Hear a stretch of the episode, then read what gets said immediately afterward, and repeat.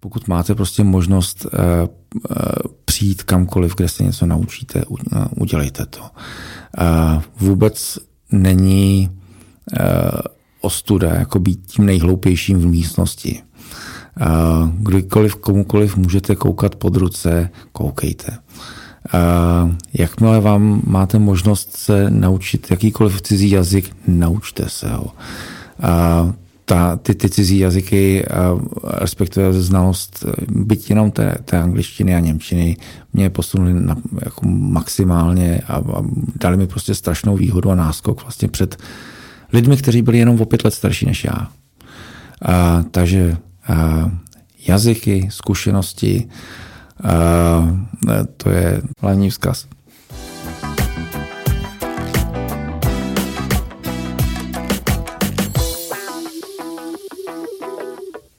Vítejte u 22. epizody podcastu Myšlení finančníků. Moje jméno je Michal Doubek a vítám u nás ve studiu i mého dnešního hosta. Tím je Daniel Drahocký, aktuálně CEO JNT investiční společnosti, spravující peníze těm nejbohatším lidem u nás. Danieli, dobrý den.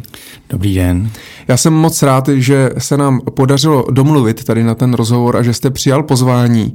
A já se všech hostů na začátku ptám stejnou otázku a to je, jakým způsobem se dostali do financí, protože ne vždy je to eh, dětský sen stát se portfolio manažerem nebo generálním ředitelem eh, investiční společnosti. Tak eh, jak to bylo u vás? Vzpomenete si ještě, co byl váš dětský sen? Děkuji za pozvání. Já, já jsem samozřejmě chtěl být jako všechny děti, nejdřív popelářem, potom kamionistou a podobně, ale já jsem se k financím dostal oklikou přes, přes noviny. Já jsem původně začínal jako, moje první povolání bylo fotograf pro večerní Prahu, a pak jsem začal psát delší delší popisky k těm fotkám a ty popisky v, přerostly v články, až jsem potom začal už jenom psát. A pak přišla nabídka do hospodářských novin, kde eh, se zakládaly eh, tehdy burzovní noviny eh, v rámci kuponové privatizace a, a bylo to. V té chvíli už mě ty burzy a kapitálové trhy nikdy nepustily. A jak, jak dlouho jste fotografoval, nebo vy jste i studoval fotografování? Uh, ne, ne, ne, já jsem rozhodně uh, amatér a do večerní Prahy jsem uh, vyráběl fotky tak, že jsem přes den chodil po městě, fotil, co by mohlo tak jako být zajímavé pro ten bulvární plátek a přes noc jsem vyráběl fotky. Ráno jsem v 6 hodin naběhnul do redakce a když se líbily, tak jsem dostal stovku za fotku, která vyšla. Kdy, když vyšla náhodou eh, někdy na první stránce, tak to byly dvě stovky. A, a tak to bylo. No a vy jste maturoval eh, v 90. v 90. roce, je to tak? Já jsem maturoval v 90. roce a moje první fotky, jako které uh, mají uh, doteďka i nějakou jako historickou hodnotu, jsou právě fotky z revoluce. Takže v, nebo z toho, z toho sam týdne, toho prvního týdne vlastně té sametové revoluce. A dají se koupit někde? Nebo máte uh, schované v trezoru?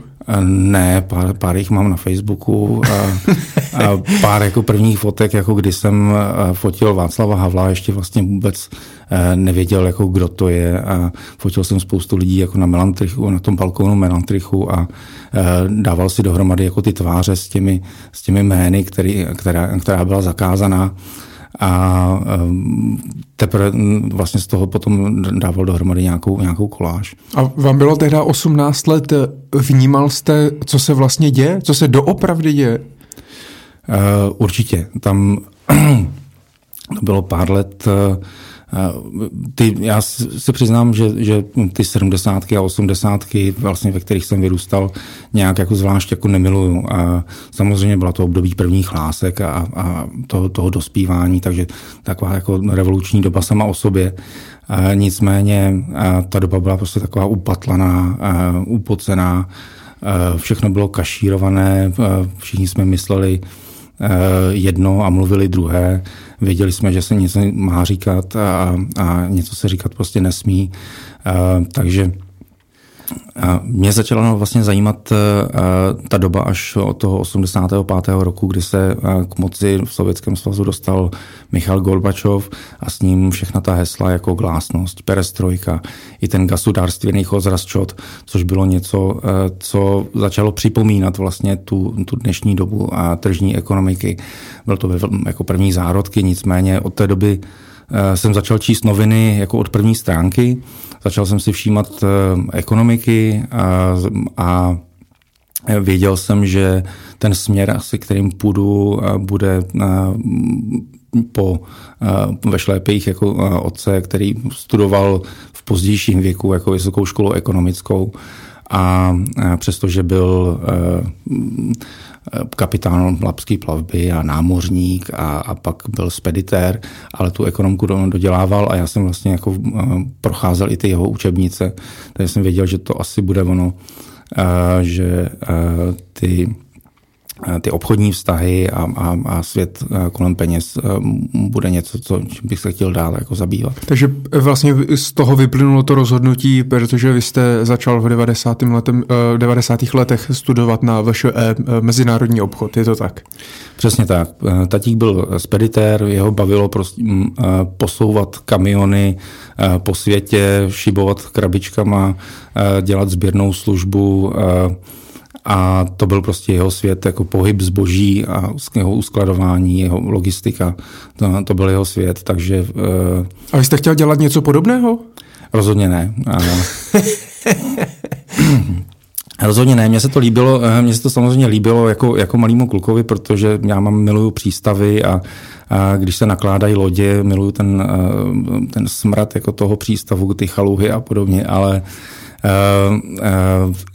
pak jsem později eh, poznal, jako když tatík umřel a, a já jsem přebíral vlastně s bráchou eh, jeho firmu, že ta logistika je přesně to, co nechci dělat.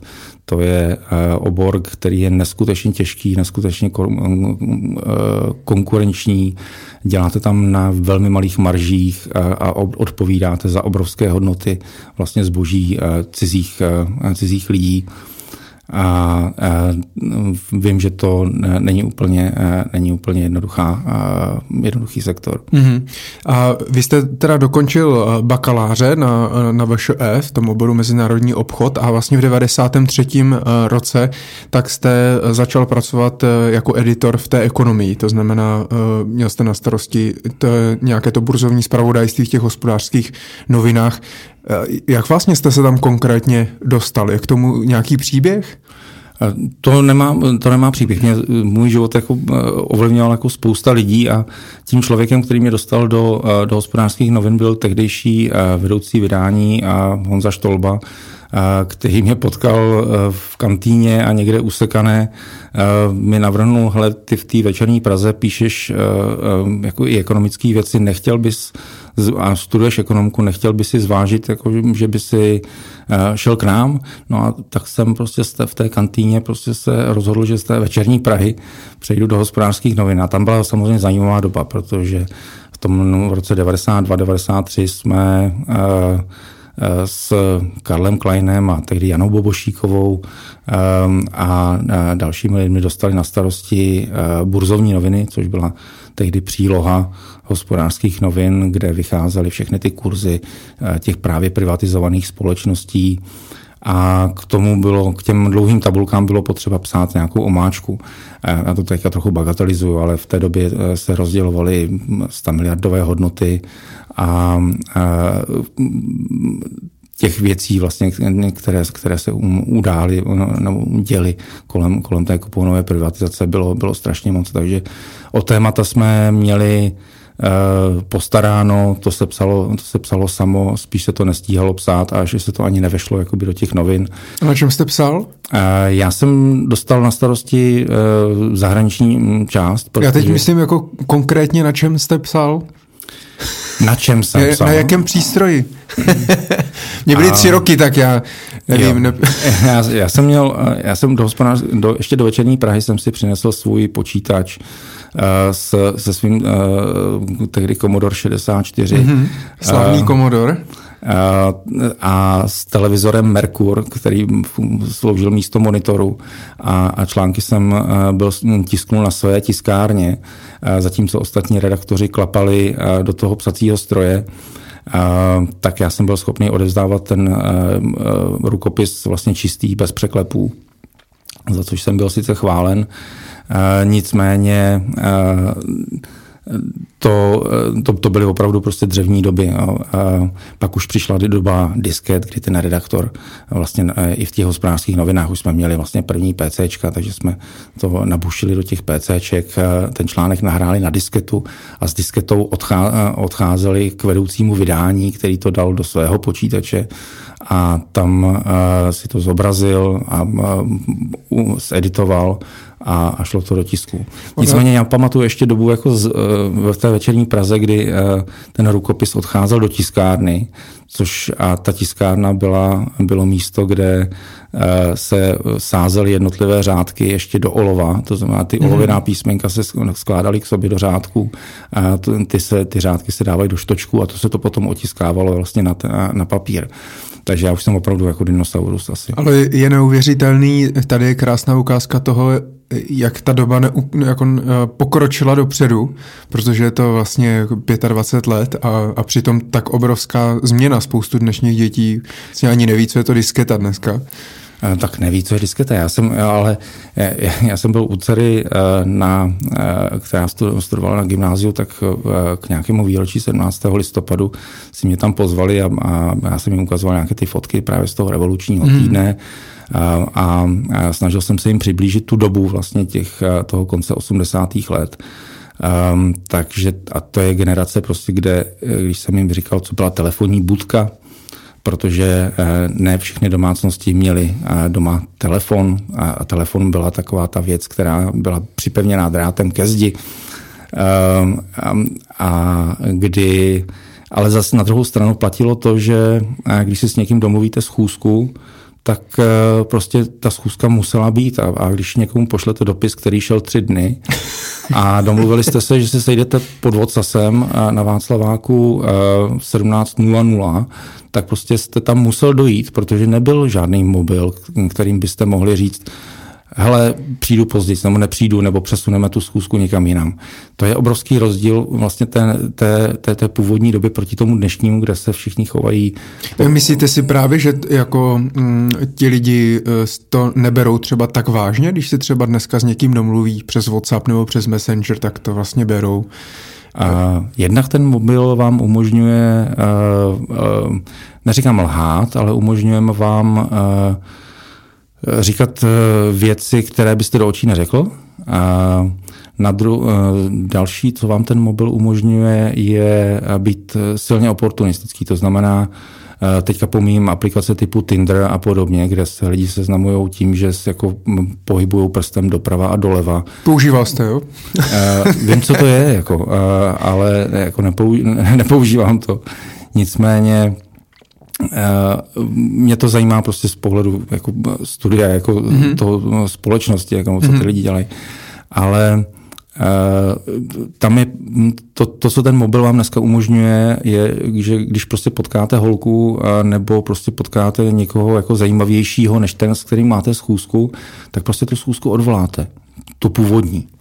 Eh, a to v, té, v, těch, v těch dřívějších dobách prostě nebylo možné, protože jste neměl jako možnost jako instantně komunikovat. V té, v, té, v, té, v té době, vlastně, když přišel, jsme viděli poprvé Star Trek a ty lidi si sahli uh, rukou uh, na hruď a mluvili uh, někam do prostoru a vlastně simulovali vlastně hmm. to, co dneska je mobilní telefon, máme každý z nás, tak v té době to bylo naprosto neskutečné. Ehm, ale přišlo mi, že v v těch, v těch, no přijde mi prostě, že v těch uh, dřevních dobách uh, uh, mluvené slovo víc platilo a lidi se museli na sebe více spolehat, protože nebyla ta možnost jako hmm. ta instantní komunikace. Hmm. Ono asi každá ta doba si prostě nese, uh, nese své a má to dvě strany. Uh, vy jste říkal, že jste měl na starosti zahraniční rubriku. To znamená, že to burzovní spravodajství teda nebylo jenom o firmách z kuponové privatizace a o českých firmách, ale i třeba teda o zahraničním jako akciovém trhu, kde se brali in, informace tehda. To tuzemské spravodajství měl na starosti hlavně Karel Kainstein, Bubošíkovou a, a dalšími redaktory. Já jsem tam dával dohromady vlastně tu zahraniční část, kde jsme pokrývali právě v, kromě takových těch zajímavých věcí typu prostě New Yorkská burza, londýnská burza, tak i ty, ty praktické věci, praktické věci, které měly, měly větší dopad na naší ekonomiku, to znamená mezinárodní ceny uhlí, ropy, Eh, drahých kovů a strategických kovů. To je něco potom, eh, co eh, i zajímalo vlastně tu zemské podniky při vývozu, dovozu, protože už začínali vlastně přecházet na ten, na ten volný trh, už neměli prostě v domluvené dodávky na pět let dopředu za fixní ceny a museli se pohybovat v tom tržním prostředí. Takže ty informace ty informace přicházely v, v hospodářských novinách, uh, už uh, jsme měli Reuters, to znamená, Aha. to znamená... A jak vypadal oproti dnešnímu? No, ve večerní, Reuters ve večerní Praze, což teda jako to byla jako jediná, jediná redakce, kromě ČTK a České, a, a České televize, kde si můj šéf Karel Valeš tehdy vydupal vlastně eh, příjem zpravodajství Reuters, tak eh, to bylo, to, to byl vlastně původně dálnopis. Těžko dnešním posluchačům eh, představovat dálnopis, ale představte si tiskárnu, ze který leze nekonečný papír a na tom papíru vám vyjíždějí jednotlivé agenturní zprávy. To je něco jako fax? Uh, fax, ale velmi hlučný, který tiskne každé, svý, každé písmenko zvlášť. A a dělá to hrozný randál, nicméně díky tomu randálu se vlastně dozvídáte poměrně v řádech minut to, co se děje na druhé straně planety. Aha, takže jste postupně vlastně čekali, co se jako odkrývalo na tom papíře. E, přesně tak, přesně tak. A takže když se, když byla třeba válka v Perském zálivu, a, tak to byly prostě opravdu chvíle, kdy stojíte vlastně nad tím přístrojem a lezou vám tam jednotlivé řádky a, a, a sledujete prostě a hltáte vlastně to, to, co se tam vlastně děje, pokud nemáte zapnutý tehdy CNN. Že? Mm-hmm. Tě, ne, v těch hospodářských novinách už, už, to, už, to, už to byla doba pokročilejší, ty agenturní zprávy vlastně chodily do počítače a do, do toho počítače chodily i hlavně burzovní data. No, to, nechodilo to v angličtině, ty informace? To jste zvládal už tehdy angličtinu jako levou zadní? no, angličtina byla, uh, angličtina se přiznám, že to byla jako moje konkurenční výhoda, uh, kde díky uh, naší profesorce na gymnáziu, která prostě nám nás nutila uh, hrát divadlo, takže jsme recitovali Shakespearea. Hráli, v angličtině. V angličtině, hráli jsme, hráli jsme divadlo, bavili jsme se anglicky. A musím říct, že od, od ní to byla obrovské nasazení a, a já jsem jí do teďka vděčný prostě za to, co, co nám dala. Takže já jsem už v té době uměl jako docela slušně anglicky, potom vlastně ta průprava v, vlastně ve večerní Praze, kdy jsme furt četli vlastně angli, anglické zprávy nebo zprávy v angličtině a přetvářeli, vytvářeli vlastně ten obsah v češtině, tak eh, to jsem prostě v hospodářských novinách, eh, jako kdybych to našel, protože eh, já jsem jak četl, tak mluvil anglicky naprosto plyně, možná s chybami, ale, ale prostě byl jsem v reálném čase tak jako češtinu prostě schopen vnímat prostě angličtinu, mm-hmm. a, takže jsem, a, a, to, to, to mi pomohlo jako velmi. A bavilo vás to? Určitě vždycky vás baví jako e, něco, v čem jste dál jako než ostatní. Tam ti redaktoři v hospodářských novinách jako měli perfektní ruštinu, byli tam lidi, kteří mluvili bulharsky, spoustou, spoustou jiných jazyků. Um, já jsem měl angličtinu, to něco horší němčinu, uh, ale, ale prostě s angličtinou a s němčinou jsem se vystačil v hospodářských novinách jako velmi dobře. A ta práce uh, byla tak časově náročná, že už jste pak vlastně nepokračoval uh, na inženýrské studium a vlastně školu jste si dodělal až, až později o pár let? Vy to máte nastudované hezky. uh, no, já jsem dělal na, na, na, na VŠE jsem dělal bakaláře a musím říct, že s, s odřenýma ušima. A, a i toho bakaláře, jako za něj jsem vděčný jako ně, několika spolužačkám, které mi poctivě dělali zápisky a, a, a, a zapisovali přednášky. V té době jako nebylo mnoho učebnic, v té době byl jeden Samuelson přeložený do češtiny, a kde i naši profesoři byli o tak jako jednu kapitolu napřed před námi a, a, a skripta vlastně začínala teprve vycházet, takže ty přednášky byly, eh, byly mm, alfa omega a kdo nebyl na přednášce, tak prakticky jako nevěděl moc, co, co tam je. A díky spolužačkám, které mi poctivě ty přednášky schraňovaly, tak já jsem byl schopný eh, tu, eh, ty zkoušky udělat. Měl jsem strašné problémy na, na seminářích a na cvičeních, protože tam mi to dávali jako jak se říká, sežrat jako eh, poměrně dobře, protože když jsem se pak dostavil prostě na zápočet jako nebo na zkoušku, tak říkám, ale pane Drahocký, vás jsem tady neviděl. a já jsem byl dvakrát, no ale my jsme měli seminář 14krát. Takže, tak je ne, dobrý, že se neptala, kdo jste. ne, to podle indexu vždycky viděli, kdo jsem. Jako. A, tak tam jsem měl problémy. Jo. A, a byl, to, byl, to i, byl to i důvod, jako, a, kde prostě dělat jako zároveň v novinách. A zároveň pokračovat školu. A zároveň, hmm. zároveň tahnout školu.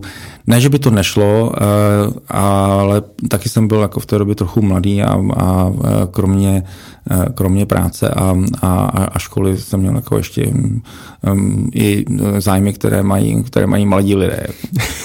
Chápu. Ale toho moc času nebylo. A, ne, a nebyl to Tinder. ne, ne, ne, to, ne, to nebyl Tinder.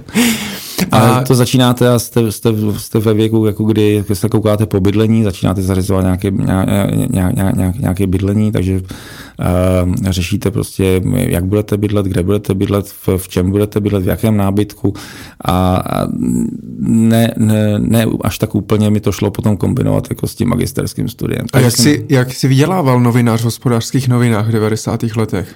Já si myslím, že já si nem, jako nemůžu stěžovat, já jsem vždycky, jako, kolik peněz jsem vydělával, s tím jsem vyšel. A no. můj první plat jako ve večerní Praze byl 2340 korun ehm, a to bylo mnohem víc, jako než měli, eh, než měli moji spolužáci buď na Gimplu, nebo, nebo, nebo potom na VŠE. Ehm, a Eh, eh, ten, ten plat samozřejmě prostě rostl, ať už, ať už v hospodářských novinách nebo později, ale... A můžete uh, prozradit dneska zpětně, jestli si vybavíte, kolik Já to si myslím, bylo? že můj nástupní plat v hospodářských novinách v 93. byl 7 tisíc korun. Mm-hmm. A to bylo dost. Musím říct, že to bylo dost. Já vám řeknu, proč se ptám, protože my jsme tu eh, před vámi měli eh, Petra Hrubého, majitele Broker Consulting, a ten v 93. Eh, se nachomejtl nějaké, nějakému přímému prodeji a prodával slevové karty a začal právě tehdy jako mladý kluk vydělávat i 100 tisíc měsíčně a mně to přišlo na tu dobu až, až jako neuvěřitelné. Já jsem říkal, jestli se nespletl, že to muselo být jako neskutečně, proto se vlastně ptám, abych to porovnal porovnal s tou mzdou? 100 tisíc, ne, tak 100 tisíc, 100 tisíc je hodně peněz, a, a, a, ale to samozřejmě nemůžete vydělávat jako zaměstnanec. Buď si vyberete tu hmm. cestu jako toho zaměstnance, který má nějaké jaké jistoty, anebo prostě jdete s tou vlastní kůží na trh, s tím, že druhý den ráno, když nic neuděláte, tak prostě vám ta výplata nepřijde. A, a nepřijde, takže prostě Petra Hrubého chápu a chápu taky, že jako mohl vydělávat 100 000 měsíčně. Já jsem měl i spolužáky na škole, kteří vlastně první a možná poslední čistič bot na Václavském náměstí byl můj spolužák a ten si dal cíl, jakože za uh, rok udělal, vydělá milion. Já si nejsem jist, uh, za jak dlouho to stihnul. Vím, že to nebylo za rok, ale bylo to snad za rok a dva měsíce. Mm-hmm. A opravdu ten milion vydělal. Tak ono v té době asi těch projektů bylo a i hodně. Vy jste třeba nedostal nějakou nabídku na nějaké tady, musel z Ameriky chodit, z Německa, různý tady ty, jak to nazvat, prostě přímé prodeje a MV možná tady začínala a, a podobně. To to chodilo samozřejmě kolem mě, to jsem, to jsem chápal, a nicméně já jako jedinou prostě jedinou nabídku, nebo co jsem nějak jako hloub studoval, tak vlastně v té době byly byly vlastně harvardské fondy. Mm-hmm. A ten, ten způsob, kterým se, kterým vlastně Viktor Kožený při té privatizaci nabídnul tu jistotu desetinásobků, to znamená, že za tu kuponovou knížku, které, za kterou lidi museli dát tisíc korun, tak on jim přislíbil, že ji vykoupí za 10 tisíc korun. A k tomu najímal spoustu lidí a spoustu agentů, kteří ten jeho slib jako šířili dál a podepisovali, podepisovali vlastně ty, nebo upisovali vlastně ty, ty privatizační knížky ve prospěch harvardských fondů. A to vás zaujalo jako Daniela nebo jako novináře? To mě zaujalo jako novináře. Aha. Já jsem nějak jako nepřemýšlel o tom, jako že bych, eh, že bych jako v tom chtěl podnikat. Um, zpětně samozřejmě si říkám, že mm, jasně, jako tehdy se dalo jako vydělat víc peněz, ale uh, mně to v té době přišlo uh, od jako Viktora Koženého poměrně jako, jako hodně odvážný krok, protože v té době uh, nevím, kolik ana, jako analýzy a kolik času jako nad tím strávil, když prostě řekl, že tu knížku koupí za desetinásobek. A nicméně v té době um, vážně uh, si myslím, že nikdo nemohl prostě přesně, přesně jako vědět nebo odhadnout prostě, jakou hodnotu mají ty společnosti hmm, hmm. A, a jestli vůbec jako bude schopen ten desetinásobek prostě za tu knížku vyplatit. Jo. Vy jste tam zainvestoval? Ne, ne, ne, ne. A vy jste zainvestoval někam, protože vy jste dostal, ne? Kuponovou knížku. Uh, určitě, já jsem, se, já, já jsem se věkem kvalifikoval až vlastně pro tu druhou vlnu kuponové privatizace. Uh, tu knížku jsem, uh, jsem zainvestoval, koupil jsem uh, akcie, v, uh, nebo objednával jsem akcie, uh, měl jsem komerční banku, měl jsem akcie spořitelny, uh, měl jsem tam dnešní ČES, Uh, dopadl jste měl portfolio jak dneska v podstatě. Eh, jo, jo, jo, určitě. Uh, tak, a dopadl jsem tak nějak jako průměrně. Já, já jsem teda jako neprodával při první, nebo neprodával ty akcie jako vlastně v první uh, v první uh, možnosti. Já Takže nedržíte to dnes. Uh, tak některé... Nejste skrytým majoritním vlastníkem Česu? ne, ne, ne, tak na to jsou, na to jsou jiní, ale akcionářem Česu jsem. Mě baví jako v přestože prostě mám samozřejmě jako výhrady jako k, k tomu, eh, co to vedení Česu dělá, nicméně eh, eh, mě baví jako mít podíl na něčem, komu platím faktury. Stejně tak jako u jiných společností, jako hmm. kde jsem akcionářem, jako stejně tak jako Apple, když si to koupíte, tak prostě jako chcete být i na té druhé straně. Ale je fakt, že v Americe ti lidi to tak většinou mají, že investují do společnosti, od které jako mají nějaké produkty nebo využívají nějaké služby. Určitě já se divím jenom, proč to, proč to lidi nedělají jako hmm. víc u nás. Jo. Jestliže uh, mám, uh, jestli, jestli chci koupit BMW, tak sakra, to auto je zřejmě dobrý a možná asi bude dobrá i ta firma. Proč možná neví jak. Možná sice ten přístup k těm trhům se jako zjednodušil a, a zlepšil, ale spoustu těch lidí vlastně nemá tu gramotnost a neví jak, neví, jak se na tu burzu dostat. Je možný, že někdo chodí ještě tady do burzovního paláce a, a říká, jestli by jako my mohli prodat akci. Ne, ne, do burzovního paláce se chodilo před 20 lety, kde tam seděl RM systém jako a byly tam ty přepážky střediska, no, středisko cených papírů se to jmenovalo. Um, ale eh, to, eh, tohle mě trochu jako mi mrzí, jako že se uh, lidi, já teďka neříkám jako třeba jako naši klienti, jo, ale všeobecně prostě v, věť, velká část toho obyvatelstva se prostě bojí mm-hmm. vlastnit nebo spoluvlastnit kus ekonomiky. A přitom, když eh, dají peníze do, do, do, do, do penzijních fondů nebo do, stavebního spoření, tak samozřejmě to, co dělají ty profesionálové. Oni sice nekupují jako všechno akcie, ale, ale eh, oni, ty, ty peníze se přelijou vlastně do té reálné ekonomiky. Taky většina lidí investuje do penzijního připojištění starého, takže do státních dluhopisů a, a ústavní spořitelny. Takže, ale je, to neříkejte, to mě strašně bolí. To mě taky.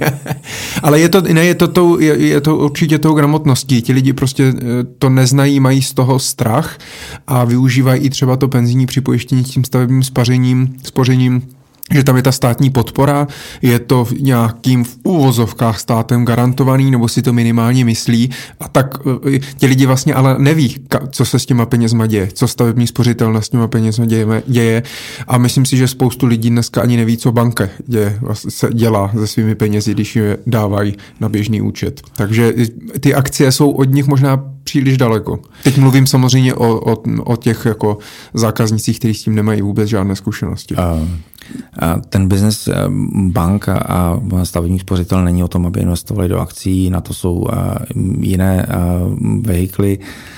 Nicméně je škoda, když prostě lidi investují svoje prostředky, které budou, které budou sahat za, za 20, 25, 30 let do neskutečně nízkovýnosných a, rádoby jistých aktiv. Pokud nás poslouchají nějací finanční poradci, tak eh, rozhodně naučte eh, lidi kolem vás eh, investovat a nebát se vlastnit nějaké společnosti formou akcí. Když se vrátím ještě k těm harvardským fondům, tak když jste to teda studoval, tak tušil jste, že to nějak takhle dopadne, jak to dopadlo? Dalo se to vůbec třeba trošku předpokládat? Uh, to, co jsem tušil, tak eh, jsem tušil a úspěch toho Viktora Koženého, že vlastně tím, eh, tím slibem té jistoty, eh, že získá poměrně dost těch diků. Dik byl mm. držitel investičního kuponu nebo knížky. Takže že, že je přesvědčí. Jo. A při, jako na jednu stranu jsem vnímal to, že on dává nějaký slib, jehož eh, splněním si vůbec jako nemohl být jistý, nebo možná ho, možná ho jako podceňuju, možná v té době prostě tam měl jako zaměstnané takové mozky, jako, že si to spočítali, že by ta hodnota měla být vyšší. Um, a byl, motalo se kolem něj spousta jako chytrých lidí a ale mám pocit, že to i ty jejich analýzy prostě byly, byly eh, hodně na vodě a že to tak nějak jako jenom typnul a že ten desetinásobek bylo něco, co psychologicky na ty lidi zapůsobilo. Um, Upřímně řečeno, eh, vnímal jsem jako Viktora Koženého, eh, jako on byl oslavován jako, jako ten, kdo vlastně rozhýbal Václavu Klausovi tu kuponovou privatizaci. A on byl hodně úspěšný, jako hodně lidí mu tam zainvestovalo. Byl, byl úspěšný, byl úspěšný v době, kdy vlastně ty harvardské fondy se pak o několik let později přeměňovali na ten harvardský průmyslový holding a vlastně snažili se utéct té regulaci, tak vlastně měli 8 miliard korun. Ale některým těm lidem to vyplatili na začátku, nebo vůbec nikdo nedostal peníze zpátky? Ne, tu jistotu, tu jistotu desetinásobku on vyplatil. Vyplatil. Tu, tu vyplatili, vyplatili to částečně tím, že odprodávali kus portfolia, částečně se na to půjčovali, ale, ale, ale to vyplatili. To znamená, nikdo mu ne, ne, nemohl říct ani popel, ten kdo, ten, kdo prostě mu tu knížku dal, tak ten desetinásobek dostal. A co on teda udělal? Proč to není? No, proč to není? A to, to mě taky, taky záhadou. Jo? A upřímně řečeno... Tak, ho poz... já tak dneska, mu napíšeme a pozveme ho. Já dneska, já dneska jako, jako stoprocentní majitel firmy nebo možná prostě s několika, s několika spolupracovníky, kteří tam budou mít minoritní podíly, a spravovat 8 miliard korun a moci přes to účtovat jako 2%, tak to je, jestli počítám dobře, 160 milionů ročně. Dobře, mám s tím nějaké náklady, a, ale i kdyby to bylo 60 milionů, tak pořád 100 milionů ročně jako mi zbývá. A to je, to jsou, to jsou peníze, se kterými se dá, na kterých se dá prostě dobře stavět, se kterými se dá budovat, se kterými se dá dají dělat velké věci. Pro mě je naprosto eh, vnitřně jako nepochopitelné to, co eh, ten Viktor Kožený vlastně s, s těmi dalšími lidmi jako z těch fondů udělal.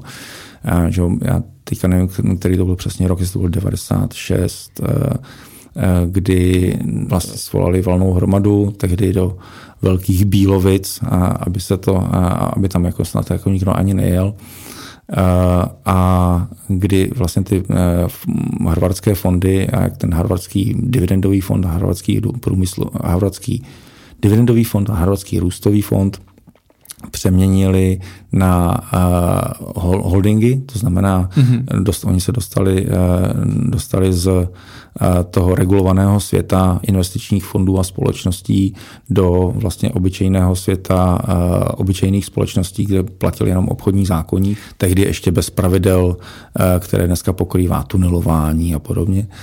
A pak bylo možné prostě ty, ty fondy vlastně naprosto legálně vykrást. Mm-hmm. Tu ta valná hromada ve Velkých Bílovicích je jedno moje životní jako trauma, které jsem si tam tehdy užil jako novinář, protože se mě tam hospodářské noviny vyslali, abych to pokrýval. A my jsme na té valné hromadě byli tři. Tři tam, lidi?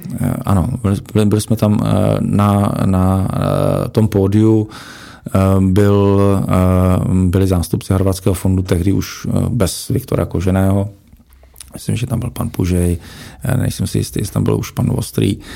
A, a, ale mezi akcionáře jsme tam byli tři. A, a, já jakožto novinář, ale novináře by tam nepustili, takže já jsem musel vlastnit a, jednu akci, aspoň jednu akci, mm-hmm. a, abych se tam vůbec dostal. A to bylo ještě v listinné podobě, to jste měl jako držel v ruce, nebo? A, ne, ne, ne, ty, ty byly, ty byly zaknihované, tam byl výpis, jsem měl výpis z z SCP, mm-hmm. z Střediska cených papírů, že, že, že jsem opravdu jako vlastníkem těch akcí. Pak tam seděl, pak tam seděli, seděli dva důchodci, pardon, byli jsme tam čtyři. Já, dva důchodci a potom jedna, jedna taková blondýna peroxidová. A nevím, kolik měli ty důchodci, ale Eh, když se sčítali hlasy, tak nás tam sedělo 68% hlasů.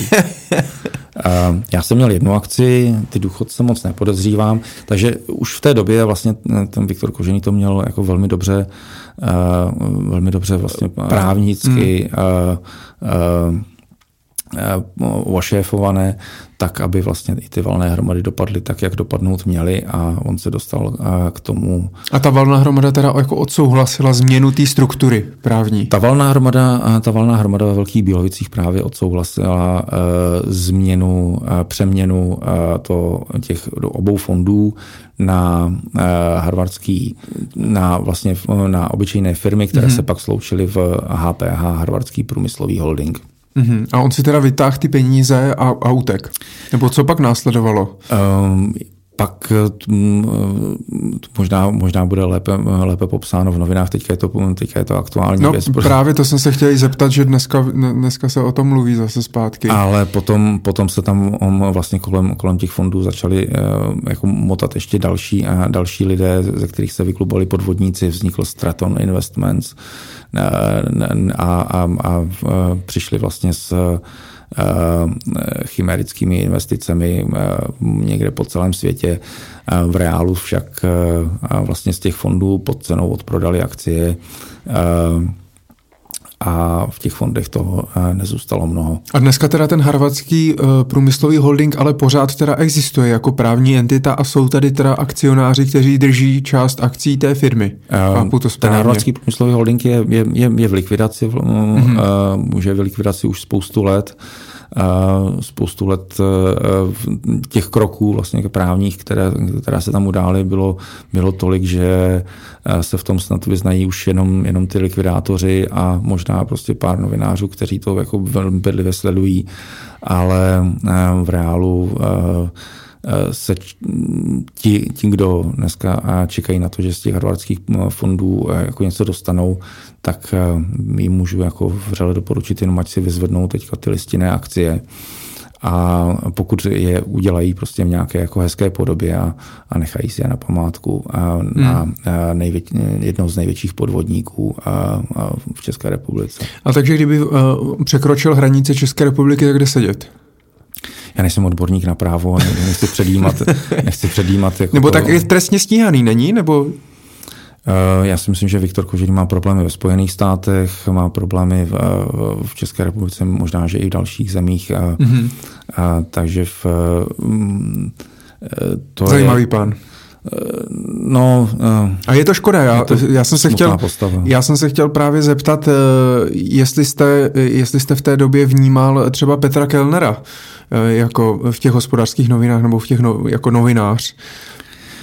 Možná eh, spíš z pohledu tehdy Petr Kellner rozjížděl vlastně fondy Petra Velikého, nebo a kdy se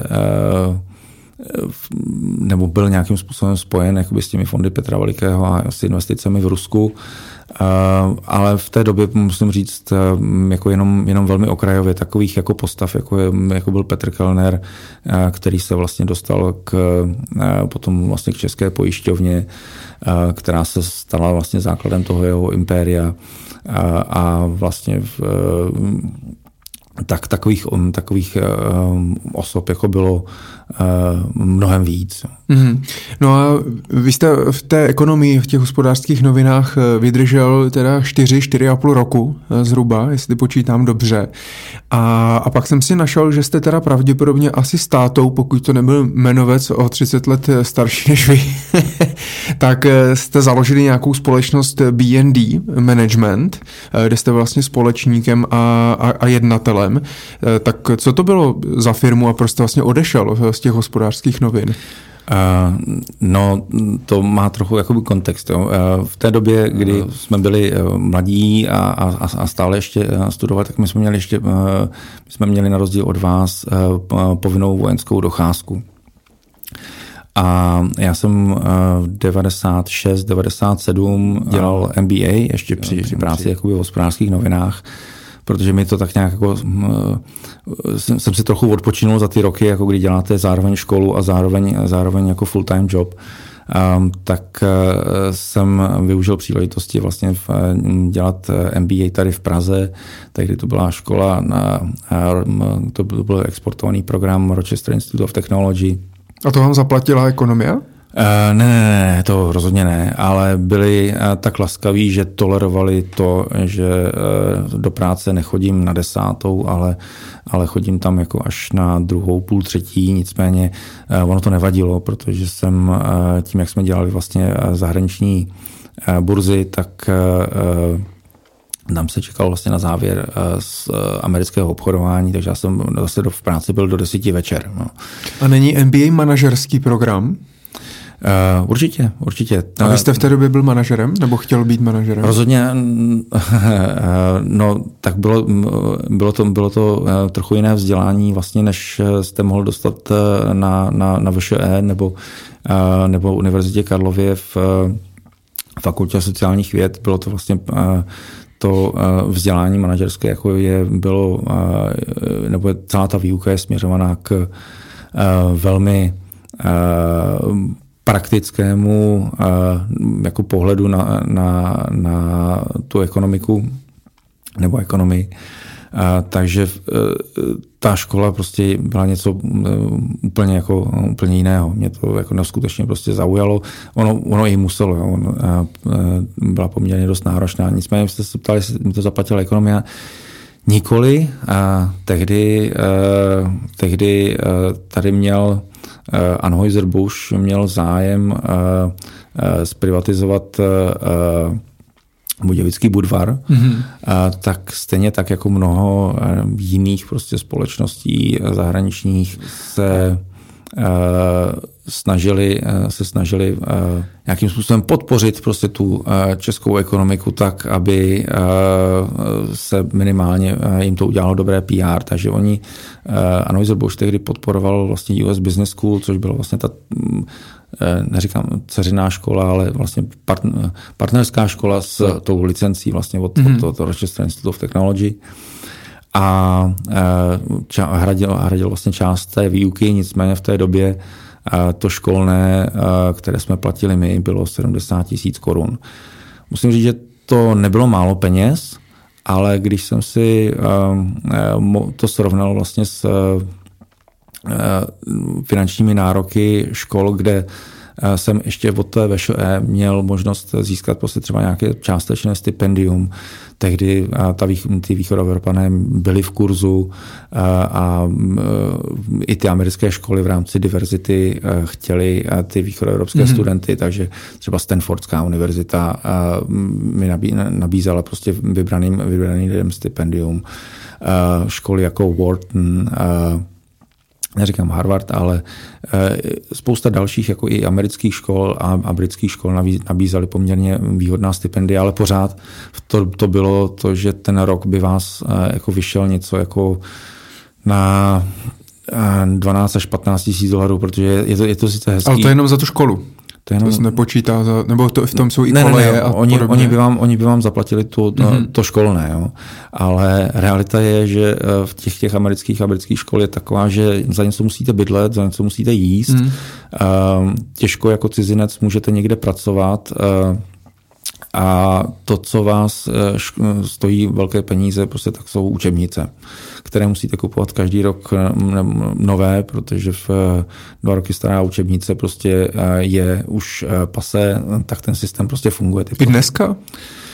Já si myslím, že to dneska ty profesoři dělají taky. A ty profesoři jsou taky jenom, taky jenom lidi, a takže se snaží prostě maximalizovat vlastně ten, ten svůj výnos tím, že píšou učebnice a do každého kurzu uh, chtějí to nové, nové, nové vydání a když, e, pokud používáte staré vydání, které třeba textově je na 95% jako shodné, tak minimálně máte problém v tom, že je to na jiné stránce, než hmm. na kterou prostě to odkazuje. Takže když hledáte stránku 226, tak je sice hezké, ale v té nové učebnici je to někde jinde a nevíte vlastně, kde, kde ten profesor se pohybuje.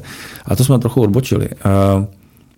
Takže eh, ta, ta, ta, ta, ta US Business School byla roční velmi, velmi intenzivní zážitek, kdy uh, už v září jsme začali rovnou uh, finančním účetnictvím, které přednášel, nám přednášel. Tam to fungovalo vždycky tak, že ty profesoři přilítli z Ameriky na 14 dní, mm-hmm. za 14 dní a odpřednášeli, odcvičili, napsali se všechny písemky, a pak jsme měli víkend pauzu a pak za další 14 dní byl další a další předmět. A takhle to jelo, a takhle to jelo rok. Ehm, a musím říct, že to byl jako nejintenzivnější rok jako mého života, kdy eh, jestli jsem za ten rok spal průměrně eh, tři hodiny denně, tak to bylo, tak to bylo, tak to bylo hodně. Jo. A máte přehled, eh, jak je to třeba dnes? Doporučil byste jít studovat MBA? Já doporučuji studovat komukoliv, kamkoliv, cokoliv. a ne, prostě to, jako pokud má někdo čas... A studovat nebo vzdělávat se? Uh, no, vzdělávat se, jako samozřejmě prostě no, čím, uh, čím větší, jakoby, když máte za sebou nějakou praxi, tak k tomu vzdělávání už přichá, no, jako přistupujete jinak. Jo. A já musím říct, že i, i u nás na to, na to MBA jako bylo vidět jako to rozdíly mezi lidmi, uh, kteří buď udělali bakaláře nebo inženýra na, tu, na Tuzemské univerzitě a bylo jim 22, 23 a pak tam byli lidi jako já, kteří měli prostě za sebou nějakých pár let eh, nějaké praxe.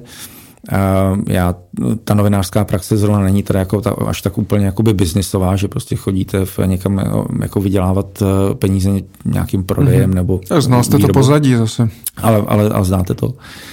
A, a pak tam byli lidi, kteří uh, třeba uh, už buď vlastnili firmy, nebo, nebo měli za sebou zkušenost s řízením fabriky a, a těm ta škola dala mnohem víc než, než těm, těm, těm studentům, kteří prostě přišli čerstvě a vlastně kromě těch školních lavic jako neznali ten, ten reálný život. Takže No když MBA, se... MBA doporučuji, doporučuji eh, lidem prostě v, až, eh, a když mají za sebou prostě aspoň nějakou praxi, pár let mm-hmm. prostě ve firmách, mm-hmm. aby si... Jako doplnění. Uh, aby si, aby si um, jako nejdřív osahali vlastně to, co ta, to, to, co ta firma jako obnáší. Uh, kromě toho, že od rána do večera chodíte jako do práce a máte tam nějakého šéfa, jako který po vás něco chce, takže ta firma taky něco vyrábí, produkuje, prodává, nakupuje. Uh, a, a pak i tu výuku a, a to, to, to, to vzdělávání další, další prostě máte, si dokážete představit prostě na těch konkrétních věcech, jako co ta, eh, co, ta firma vlastně mhm. dělá. A když se vrátíme na začátek, vy jste, jakou to má spojitost vlastně s odchodem z té ekonomie a začátkem nějakého biznesu eh, rodinným? To je, to je takhle, já jsem, já jsem pořád jako tím, že jsem eh, byl, měl statut toho studujícího a neustále se připravujícího na, na, na budoucí život, tak jsem vlastně před sebou odkopával povinnost vojenské služby. A já jsem měl na vybranou, buď prostě v, půjdu na, na rok na vojnu, a, nebo půjdu na civilní službu.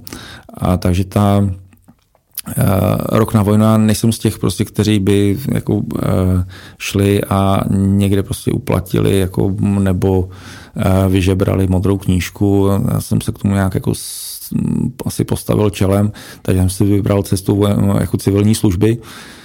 Čímž si sice to protáhnete jakoby tu, to neproduktivní období hmm. jako o půl roku, protože ta, ta, ta civilní služba trvala 1,5, 18 měsíců místo 12 měsíců. A co znamená civilní služba? Civilní služba no, byla vlastně náhradní, tomuto oficiální název je náhradní vojenská služba. To znamená, vy jste technicky jste, jste vlastně odepřel odepřel vojenskou službu, to, mm-hmm. takže jste nešel na vojnu ale pokud jste odepřel, odepřel eh, vojenskou službu, tak jste měl povinnost eh, takzvané náhradní vojenské, nebo mohl jste tu povinnost splnit vykonáním náhradní vojenské služby. A to bylo lehčí teda, nebo? Ne, náhradní vojenská služba znamená, že se třeba na 18 měsíců upíšete buď někde v nemocnici, takže prostě děláte zdravotního bratra, mm-hmm. vozíte pacienty, nebo pracujete někde v nějakém neziskovém sektoru, ale tam, kde vám to uznají, ale většinou, většinou to bylo, většinou to bylo v, ve zdravotnickém sektoru, ty lidi dělali. Aha. Já jsem eh, si vybral, nebo podařilo se mi zajistit vlastně eh, tu, to období vlastně té náhradní, civil, náhradní vojenské služby v, eh, ve školství a shodou okolností teda to bylo na, na US Business School. Takže já jsem... Tak, jak jsem, okolností. takže tak, jak jsem tam rok, rok studoval a potom, potom promoval, tak jsem tam ještě dalších rok a půl zůstal tím, že jsem zajišťoval vlastně takové ty pomocné věci kolem, co ta škola potřebovala, od e, přivítání profesorů na letišti, jejich, jejich ubytování, nakopírování materiálu na výuku, e, přípravu, přípravu vyhodnocení a, a, a vlastně ten servis, vlastně co, co, co ty profesoři potřebovali. Takže tam jsem dělal, tam, tam, tam jsem byl na té, na, na té, na té jakoby náhradní vojenské službě. Za to jsem dostával eh, nikoli žolt, ale eh, nějakých 1200 korun měsíčně. Mm-hmm. No a abych neumřel hlady, tak eh, BND Management prostě byla, byla, moje, byla moje firma, která se bavila distribucí sítotiskových barev ty tatík měl ve skladech, protože byl kromě součástí té jeho logistické firmy, prostě bylo i skladování, měl tam jednoho, měl tam jednoho zákazníka, který se jmenoval Sericol. Ty, dělají, ty dělali prostě sítotiskové barvy a řešili, jak vlastně ty barvy distribuovat po Česku a jak to vlastně fakturovat, aniž tady měli nějakou moc zaměstnanců. A oni to, a tento schéma se vymyslelo tak, že tady měli prodejce, kteří objížděli ty tiskárny a, a nabízeli jim vlastně vzorky a, a těch plechovek, a těch barev a e, v momentě, kdy to úspěšně prodali, tak se to ze skladu vyskladnilo, dodalo a já jsem to fakturoval. Fakturoval ale znamenalo, že vlastně se to muselo jako vyndat z celního skladu, vyclít, každá ta plechovka vyfakturovat, zinkasovat a, a, a zařídit věci vlastně kolem, kolem, kolem DPH a zaplacení cla a, a podobně. Ale to bylo založený vyloženě jako biznis teda, to jako s tím tá, táta chtěl, to nebylo teda, že by to zakládal, aby jste se nenudil. Ne, ne, ne, ne tak jako to, to, to byla věc, jako, tak jako jemu to pomohlo tím, že on pomohl zákazníkovi, zároveň prostě on dostal vlastně zakázku na to, že ty, ty barvy se skladovaly vlastně v jeho skladech, a v Německu akcionáři prostě byli spokojeni, protože jim tady běžela distribuce, tak se i ty barvy prostě tady, tady na tom trhu etablovaly, úspěšně vlastně nastartovali, nastartovali vlastně tu distribuci, takže pak vlastně potom, potom, potom mém působení oni mm, jako dosáhli už, dosahovali už takových obratů, kdy přišli na to, že prostě bude lepší, jako když si to budou dělat sami a ne, že já jim budu účtovat jako nehoráznou sumu za za každou, za každá, za každou vycle, jako jednotlivou vyclenou a, a, a vyfakturovanou jako plechovku. Um, ale faktem je, že, že to byla vlastně doba, jako kdy jsem v průběhu civilní služby vydělal svůj první milion. Mm-hmm. Ale ta firma e, pořád ještě dneska, dneska funguje. Pak se teda prodala nějakému Jiřímu Mazánkovi, ale ta firma um, mám pocit, že pořád je. Ta firma existuje, ale to už jako mi dávno jako neříká, pane, to jenom nechali název. A vy jste, vy jste prodával pak ten podíl, jako získal jste z toho nějak, jako vyexitoval jste z té firmy, nebo? Uh, vyexitoval jsem, myslím si, že se se mnou uh, Němci jako vyrovnali jako velmi dobře za uh, vlastně vystavenou tu, eh, tu distribuční síť a za to, za to vymyšlené a nachozené řešení, protože tak, jak to, vlastně tak, jak to bylo, tak oni si to potom převzali a vyrovnali se se mnou jako velmi dobře. Takže vlastně, a to vám bylo 25 let, takže ještě před 30 jste vydělal svůj první milion, předtím jste dělal novináře v hospodářských novinách za 7 tisíc měsíčně. Jaký to byl pocit? Uh, Byla změna docela. No, to určitě, ale, ale v, v té době už jako začaly jako růst ceny nemovitostí tak, že dům nebo eh, dům, jako ve kterém, eh, ve kterém prostě jsme, jsme bydleli najednou, prostě v, se začaly, nebo ty domy se tam začaly prodávat třeba za 2 miliony korun a to byla jako eh, velká na Praze 4. A, tak v té době prostě už jako ten, ten ano, ano, bylo to spousta peněz, ale uh, už v té době uh, začaly růst ceny nemovitostí, takže vlastně uh, přestože to byl milion, ten milion, jako to, to číslo to, s těmi šesti nulami, tak, uh, tak ta kupní síla. Ta, ta kupní síla prostě šla, šla poměrně rychle dolů, tak jak samozřejmě bohatli, bohatli i všichni ostatní. No a vy jste v té firmě byl asi uh, rok a půl a potom v březnu uh, roku 1999 uh, tak jste z té firmy odešel a šel jste jinam, šel jste do Wooten Company. Uh, dostal jste nějakou nabídku nebo co se, co se stalo, že jste odešel? tak já jsem neodešel jako ze své vlastní firmy, to jsem akorát to uspal, tu, tu firmu, ale zase kontext té doby, tak jak se ty privatizační fondy eh, eh, postupně dostávaly na burzu a jejich akcie se začaly eh, obchodovat na burze, tak bylo evidentní, že vzniká poměrně velký rozdíl mezi cenou těch akcí, těch fondů a hodnotou majetku, která v těch fondech na tu jednu akci připadá. A v, té, v těch hospodářských novinách jsem jako redaktor začal mm, vlastně sledovat jakoby ty rozdíly, dělal jsem tabulku eh, těch jednotlivých diskontů a eh, musím říct, že se, eh, když, se, když jako zjistíte, že se dá koruna koupit za 35 halířů, tak stojí za to prostě na, na, na tyhle ty informace nejenom sledovat, ale případně, případně na nich i obchodovat. Ve Wooden Company tehdy Ehm, byli dva ehm, zajímaví, nebo tam bylo spousta zajímavých lidí. Nicméně stejný nápad dostal tehdy eh, Tomáš Fiala, Kamil Goca a, a i dnešní eh, neznámý jako Martin Nejedlí. Tak eh, vlastně to samé, co já jsem, o čem já jsem psal jako v novinách a tu sestavoval tabulku, tak oni začali dělat jako v reálu, kdy si vlastně ty zahraniční investory jim říkali, Hleďte, tady se, tady se privatizační fondy obchodují na burze, obchoduje se tady 35 halířů, eh, nebo obchoduje se tady korona za 35 halířů. Ty fondy budou mít povinnost se otevřít eh, a vlastně budou muset, eh, otevření fondu znamená, že oni budou muset začít vykupovat ty svoje akcie za Eh, tu opravdu reálnou hodnotu toho majetku připadající na jednu akci. Takže dřív nebo později ty fondy se budou muset otevřít a ten obrovský diskont vlastně je bude možné sinkasovat. Um, oni to dělali vlastně pro zahraniční investory a pak uh, my jsme spolu mluvili poměrně často vlastně na tohleto téma a vlastně vznikl nápad udělat na to a postavit na to fond. A tehdy Wooden Company měla eh, jeden fond, byl to fond peněžního trhu, eh, a k němu vlastně přišel eh, tenhle ten druhý fond s tím, tím novým nápadem, který jsme pojmenovali jako Wood růstový investiční fond, byl to SICAV založený v Lucembursku.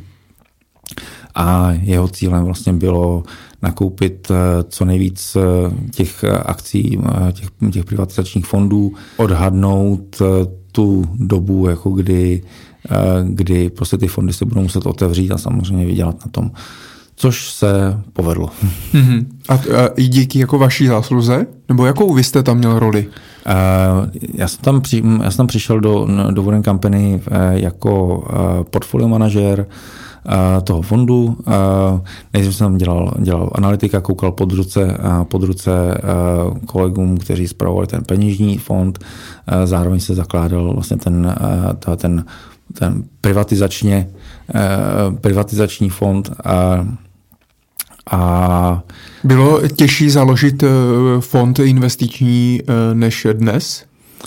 Uh, vzhledem k tomu, že no, bylo to jiné, ale, ale uh, jednak ty fondy se zakládaly, uh, Warren Company zakládal v Lucembursku, což je nějaká standard, standardizovaná legislativa, ty procesy vedoucí k založení fondu jsou, jsou standardizované. Uh, musím, a když máte vlastně všechny, všechny právní věci pokupě, tak e, založit ten fond je, je otázka, je prostě je, je zkrátka, zkrátka relativně jednoduché. To, co v Lucembursku už je horší jako s naší povahou, je, je potom komunikace s, respektive s jakoukoliv frankofonní zemí, což je moje zkušenost prostě i, i, i v dalších letech, kdy prostě zjistí, zjistíte, že ten svět jako funguje v tom Lucembursku trochu jinak než u nás v devadesátkách. Eh, u nás v devadesátkách mám pocit, že eh, minimálně v tom finančním průmyslu jako jeli, eh, jeli prostě všichni na doraz. Spalo se málo, dělalo se hodně, když to v tom Lucembursku fungoval ten klidný život, kdy polední pauza trvá od 11 do 2 hodin odpoledne, pátek po druhé hodině už se nikomu nedovoláte. Už měli vydělaný. ale tak to prostě, tak to je, ale když se, když se s tím naučíte žít, jako, tak, tak si ty věci prostě v, jako zařídíte tak, jako aby to i s tím, i, i, i s tím lucemburským správcem jako fungovalo. Uh, myslím si, že tohle, ta, ta lucemburská struktura prakticky byla uh, tehdy jediná možnost, uh, jak, to, jak to provést a hlavně to pro zahraniční investory to byla jurisdikce, které, které oni rozuměli. Takže... A oni už v té době Lucembursko mělo to, jako, bylo jako daňově přívětivý a tak dále. Oni to mají od jak živa, nebo jako od, od jakého roku jako všichni chodí dolů. Nebo byla nějaká země, kam se chodilo dřív, když se zakládaly nějaké fondy? Pokud zakládáte fond, tak se řídíte tou, eh, tím, kdo jsou vaši eh, akcionáři nebo vaši investoři. A pokud to jsou zahraniční investoři, tak to oni chtějí mít eh, jurisdikci, kterou znají. To znamená, Lucembursko je standard. A kdyby to byli američtí investoři, budou chtít buď Kajmanský ostrovy, a, nebo nebo jinak. Eh, jedna věc jsou investoři, kdo to jsou, a druhá věc jsou daně. To samozřejmě taky každého zajímá, protože ty, eh, ti investoři chtějí, aby, aby vlastně eh, po cestě vlastně při těch třeba mezinárodních investicích nestráceli vlastně žádné daně a potom si zdanili ten, ten, svůj, ten svůj výnos až vlastně v té své finální struktuře. Lucembursko vám umožňuje vlastně to, že tam ty fondy nejsou zdaňovány, tak eh, vám umožňuje vlastně eh, prostřednictvím těch lucemburských fondů eh, investovat tak, abyste si potom jako investor zaplatili daně v té dané zemi, kde jste. Pokud jste daňovým rezidentem Česka, platíte daně, daně Česku, pokud jste daňovým rezidentem v Německu, tak ten, pokud tam jsou nějaké daně z dividend nebo daně, daně z kapitálových mm-hmm. zisků, platíte si je v Německu, ale hlavně Lucembursko vám z toho nic nestrhává. No ale bylo to takhle od jak živa? Je jako Lucembursko od jak živa uh, tou zemí? Uh, aspoň co já pamatuju jo. minimálně od těch hmm. 90. let. A proč se tak rozhodli? Uh, že budou jako zemí, kde se to bude, proč, nebo myslíte si, že, že jako my bychom to taky takhle mohli udělat? Aby jsme přilákali třeba zahraniční kapitál nebo se otevřeli víc ten náš trh a tak dál? Jsou, eh, jsou dva způsoby, jak vlastně daníte hm, investice prostřednictvím fondů. Buď je nedaníte na úrovni fondu, i když eh, jako v Lucembursku je, fondy jsou zdaňovány eh, takzvanou, teď nejsem francouz, ale je to tax de damonama, je, je to vlastně daň z aktiv, mm-hmm. je to 0,0, tehdy to bylo 0,06 u akciových procenta u akciových fondů a 0,01% u fondu peněžního trhu. A, takže formálně zdaňovány jsou, e, nicméně e, když se dostaneme jakoby k tomu způsobu zdanění vlastně investičních fondů, buď je daníte na úrovni fondu a pak dál už vlastně těm investorům e, je necháváte vlastně ten výnos jako nedaněný, anebo vlastně ten fond nezdaňujete a, a každý, každý investor ať si daní prostě podle svého, ať už je to korporace nebo fyzická osoba. V Česku se zvolil ten způsob danění na úrovni fondu a e, on je svým způsobem On je výhodný pro, e, on je výhodný pro krátko a střednědobé investice, e, ale je méně vhodný pro, pro investice dlouhodobé, protože vám si každý rok sebere vlastně 5% z výnosu. Mm-hmm. Na druhou stranu Česko zase má uh, velkou výhodu v tom, že vlastně po třech letech máte osvobozeny uh, kapitálové zisky, takže... A to, eh, to jsem se chtěl zeptat, to jinde není, že? Já vím, že jako na západ u nás možná někde, ale jako není to moc obvyklé. Uh, ten systém zdanění je různý a pokud v drtivé většině těch vyspělých zemí platí to, že kapitálové zisky jsou normálně zdaňovány, to znamená Kdykoliv. v momentě, kdy prostě prodáte, hmm. tak uh, si proti tomu můžete postavit náklady ve formě vlastně pořizovacích cen a poplatků, ale vždycky je to daněno. Uh, a uh, do určité míry vám umožňují uh, ty, uh, ty zisky nedanit, pokud uh, ty investice předtím máte někde v nějakém portfoliu, třeba penzijním nebo, nebo důchodovém. To je to, co vlastně se, o co se snaží třeba dneska AKAT uh, vlastně zavedením toho individuálního, individuálního penzijního no, plánu. plánu jo. Mm-hmm. Já nevím, já to znám z Polska jako IK, individuálne konto emeritálne mm-hmm. a je to vlastně, není to vlastně nic jiného, než uh, vlastně daňově, uh, uh, daňově zvýhodněné portfolio. Takže to je v podstatě jak v Americe 401, to je taky nějaký individuální penzijní ano, plán. Tam jsou, tam jsou dvě, dvě schémata vlastně na individuální penzijní konta mm-hmm. nebo penzijní portfolia. Británie má taky mm. jeden nebo dva jako hlavní eh, způsoby, jak eh, investovat eh, daňově zvýhodněně. Němci mají no, takzvané Riester konto, což je vlastně není nic jiného než, než daň, portfolio, ve kterém, ve kterém se vlastně jinak, jinak jako daní. Mm-hmm. A co by, co... je to objem, omezené nějakým objemem. A co by to vlastně pro nás přineslo? Já mám pocit, že a teď nevím, jestli to byl pan Kalousek nebo někdo jiný, ale mám pocit, že se i jednalo v jednu chvíli, že by se zrušila ta pětiprocentní daň na, na úrovni toho fondu e, nějakým způsobem e, a kdyby třeba se to stalo a takhle bychom se třeba otevřeli nebo my jsme to udělali tak, jak je to v Lucembursku, e, pomohlo by nám to vlastně v něčem? Jako státu, jako ekonomice naší? No určitě by to pomohlo, pomohlo tomu domácímu Eh, průmyslu eh, investičních fondů a společností, protože eh, když chcete, aby zahraniční investor investoval vaším prostřednictvím nebo prostřednictvím České investiční společnosti, tak on samozřejmě nechce prostě platit jako daň na úrovni fondu. A, a takže prostě pokud i má investovat prostě do Česka, tak prostě si radši vybere lucemburskou strukturu, a, a ten investor, když bude prostě v, z Británie nebo bude z Holandska, tak uh, on na té lucemburské struktuře nezaplatí nic a pak si to zdaní prostě někde v té domácí zemi, ať už je to prostě v, třeba v Evropě. Uh, nicméně on si rozhodně nevybere český fond nebo, nebo českou investiční společnost, protože tam vždycky přijde o 5% a pak ještě daní doma a to, to nikoho nebaví. Hmm.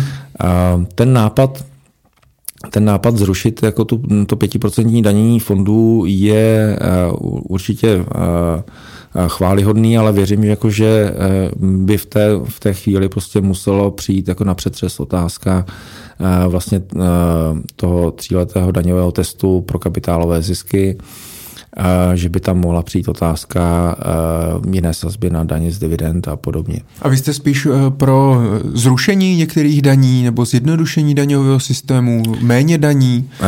Je, určitě, pokud, pokud ty daně, já spíš bych byl pro to, kdyby ty fondy nebyly daněny a vlastně každý ten investor si danil vlastně podle toho svého. To znamená, pokud se po fyzických osobách chce, aby platili 15%, budou danit 15%. Pokud se po právnických osobách chce, aby, aby platili jakoukoliv sazbu korporátní daně, tak, tak prostě zaplatí pouze tu a nikoli ještě 5% jako navrh mm-hmm. vlastně v tom fondu. Mm-hmm. No my jsme trošičku odbočili od toho, takže eh, když zase navážu, že teda ten uh, růstový otevřený podílový fond ve Wooten Company uh, se teda založil v Lucembursku, jestli dělal portfolio manažera, uh, bylo vám tehda, pokud dobře počítám, 27 let. Věděl jste, co děláte?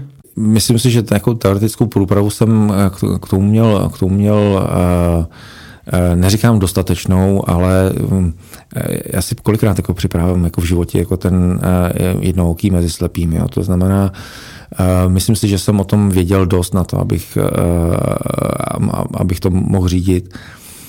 Um, ale musím říct, že tu hmm. první věc, jako kterou jsem vlastně dělal, ten můj jako první díl jako v životě, bylo na účet toho uh, fondu peněžního trhu, kdy Eh, my jsme tady měli 15% mm, úrokové sazby. No.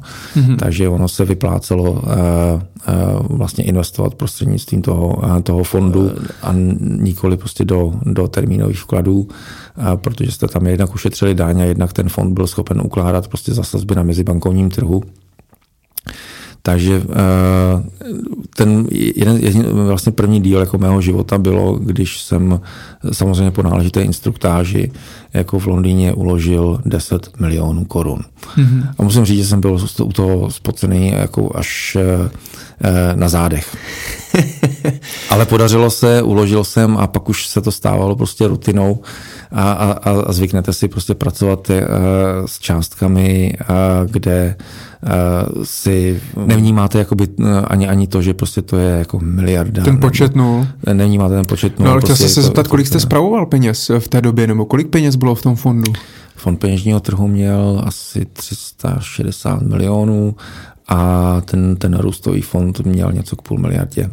Mm-hmm. A vy jste byl opravdu jako portfolio manažer, tak jak si dneska můžeme představit portfolio manažera, samozřejmě nenapadl mě nikdo jiný než třeba Honza Hájek stop, stop stoku, ale tak něco jako on, tak uh, se vybíral potom ty firmy.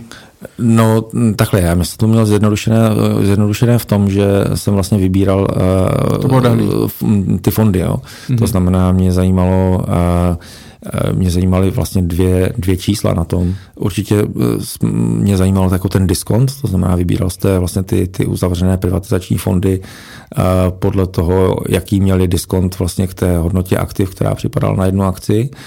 A to druhé, to druhé ne až tak úplně hmatatelné a kvantifikovatelné bylo, do jaké míry můžete věřit těm číslům protože když vám uh, ten fond uh, spočítá, prostě uh, tehdy se tomu neříkalo, se tomu říkalo čojka, jako čisté obchodní mění, nebo, nebo čistá hodnota aktiv, mm-hmm tak eh, jestli těm číslům prostě můžete věřit a jestli ten diskont opravdu eh, je tak, jak ho vykazuje vlastně ten fond a to, za co se to obchoduje prostě na, na, na té burze. To, to, za kolik se obchoduje na burze, bylo vždycky jasné, ale nemohl jste jako věřit jako úplně vždycky tomu, co ty fondy, tak jak ty fondy vlastně ty hodnoty počítali. Neříkám, že by podváděli jako úmyslně, a na druhou stranu prostě platila nějaká účetní a oceňovací pravidla, podle kterých prostě oni ten fond, fond eh, oceňovali, ale ta hodnota, ta reálná tržní hodnota byla někde jinde.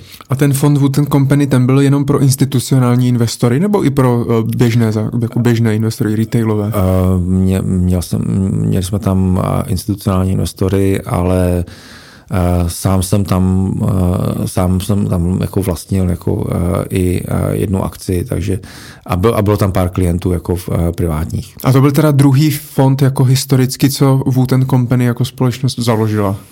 Ano, předtím, takhle, tam je, tam je Wooden Company předtím ještě dělala pro zase zahraniční investory a zahraniční hedge fondy měli to jmenovalo se to PMPP, Polish Mass Privatization Program a bylo to vlastně takové eh, jako privatizační portfolio zaměřené na Polsko. Eh, k tomu já už jsem se dostal jako v té eh, poslední fázi, vlastně, kdy se ty, ty firmy vlastně z toho portfolia rozprodávaly a těm, těm, těm hedge fondům se vracely peníze to podle toho, jak ty, jak, jak ty, jak ty fondy vlastně prodávaly akcie a zlikvidňovaly ten majetek a tam jsem uh, jako administroval, vlastně vypočítával vlastně to, to NAV a kolik na každého investora přichází, ale formálně to nebyl fond, to bylo Uh, to bylo uh, to, čemu se dneska říká managed account, že máte vlastně portfolio rozdělené na několik vlastníků, chováte se k tomu úplně stejně jako k fondu, ale, ale formálně to, mm-hmm, formálně to nebyl, ne, nemělo statut fondu. A na konci těch 90. letech tak pan Wood tam ještě byl, nebo to už byl pryč? Richard Wharton samozřejmě byl ve firmě a musím říct, že když tam byl, tak byl, tak prostě um, byl, byla cítit jako ta, ta, ta, uh, ta přítomnost toho vlastníka. Mm-hmm. A, a jako v, do, v dobrým slova smyslu? Určitě. Richard Wood je do dneška, uh, do, do dneška prostě je aktivní vlastně v tom investičním biznesu a je to aspoň pro mě jako velká uh, uh, legenda která vždycky jako vidí, jako kde se ty peníze dají, vydělat, má, má, má prostě na to čuch, ale zároveň prostě já ho obdivuju v tom, že má nejenom jakoby ten, ten, ten britský jako přístup, má krásný suchý humor, dobrý nápady, ale zároveň je to pro mě takový ten vzor toho finančníka, gentlemana, Eh, kdy eh, prostě víte, že když, když řekne, tak to platí a že vás nepodvede. A to je pro mě jako obrovská hodnota. Když jsi to viděl naposledy? Eh, naposledy, myslím si, že někdy teďka v létě. Co se řeknete 20 let? Ne, ne, ne, no, tak byl, byl, u nás, byl, byl u nás GNT, oni mají, oni mají, dělají další, přišli další jakoby ideou, která jako je, je unikátní Um, je samozřejmě prostě z toho, z té oblasti jako emerging markets, je to, je to, je to uh, uh, okrajová záležitost, ale je to docela, docela jako A kolik mu je dneska? Já bych musel počítat a přiznám. Myslím si, že ale tohle jako vypadá pořád dobře. Uh, ale, ale Richard Wood je, já, já na ně vzpomínám strašně rád, ale, ale musím říct, že, že uh, to, co na něm oceňuji, je, že uh, on znal všechny zaměstnance jménem, dával si na to, uh, dával si na to pozor a já jsem byl druhý den ve firmě, v, v Richarda Wooda jsem viděl prostě maximálně tak jako na, předtím jako na, v, v nějakým, na nějakým letáku a najednou jsem proti mě jako na chodbě šel jako vysoký chlap. A říká, a hlásil se ke mně a říká, hi Dan, are you making money?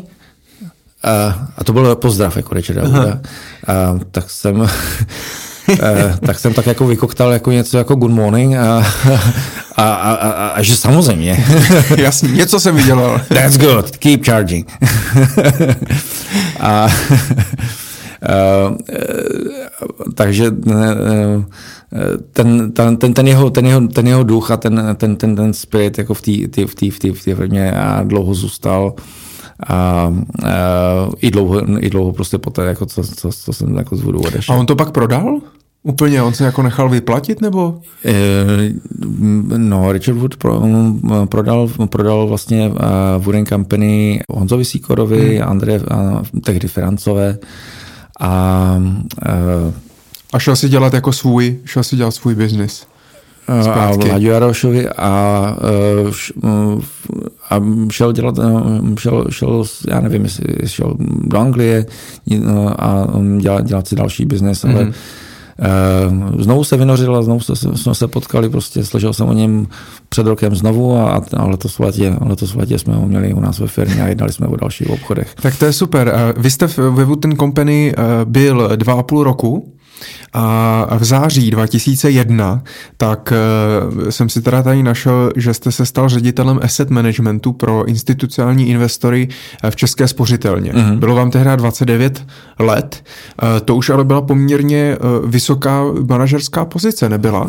Taky jednak, jednak ten, ten, ten příběh toho, toho vlastně fondu se uzavřel, protože v ten, ten, ten růstově otevřený podílový fond, ten, ten Vůdovský, uh, úspěšně vlastně vykešoval vlastně ty, ty, ty diskonty, které tam byly a investorům, investorům vrátil zhodnocené peníze.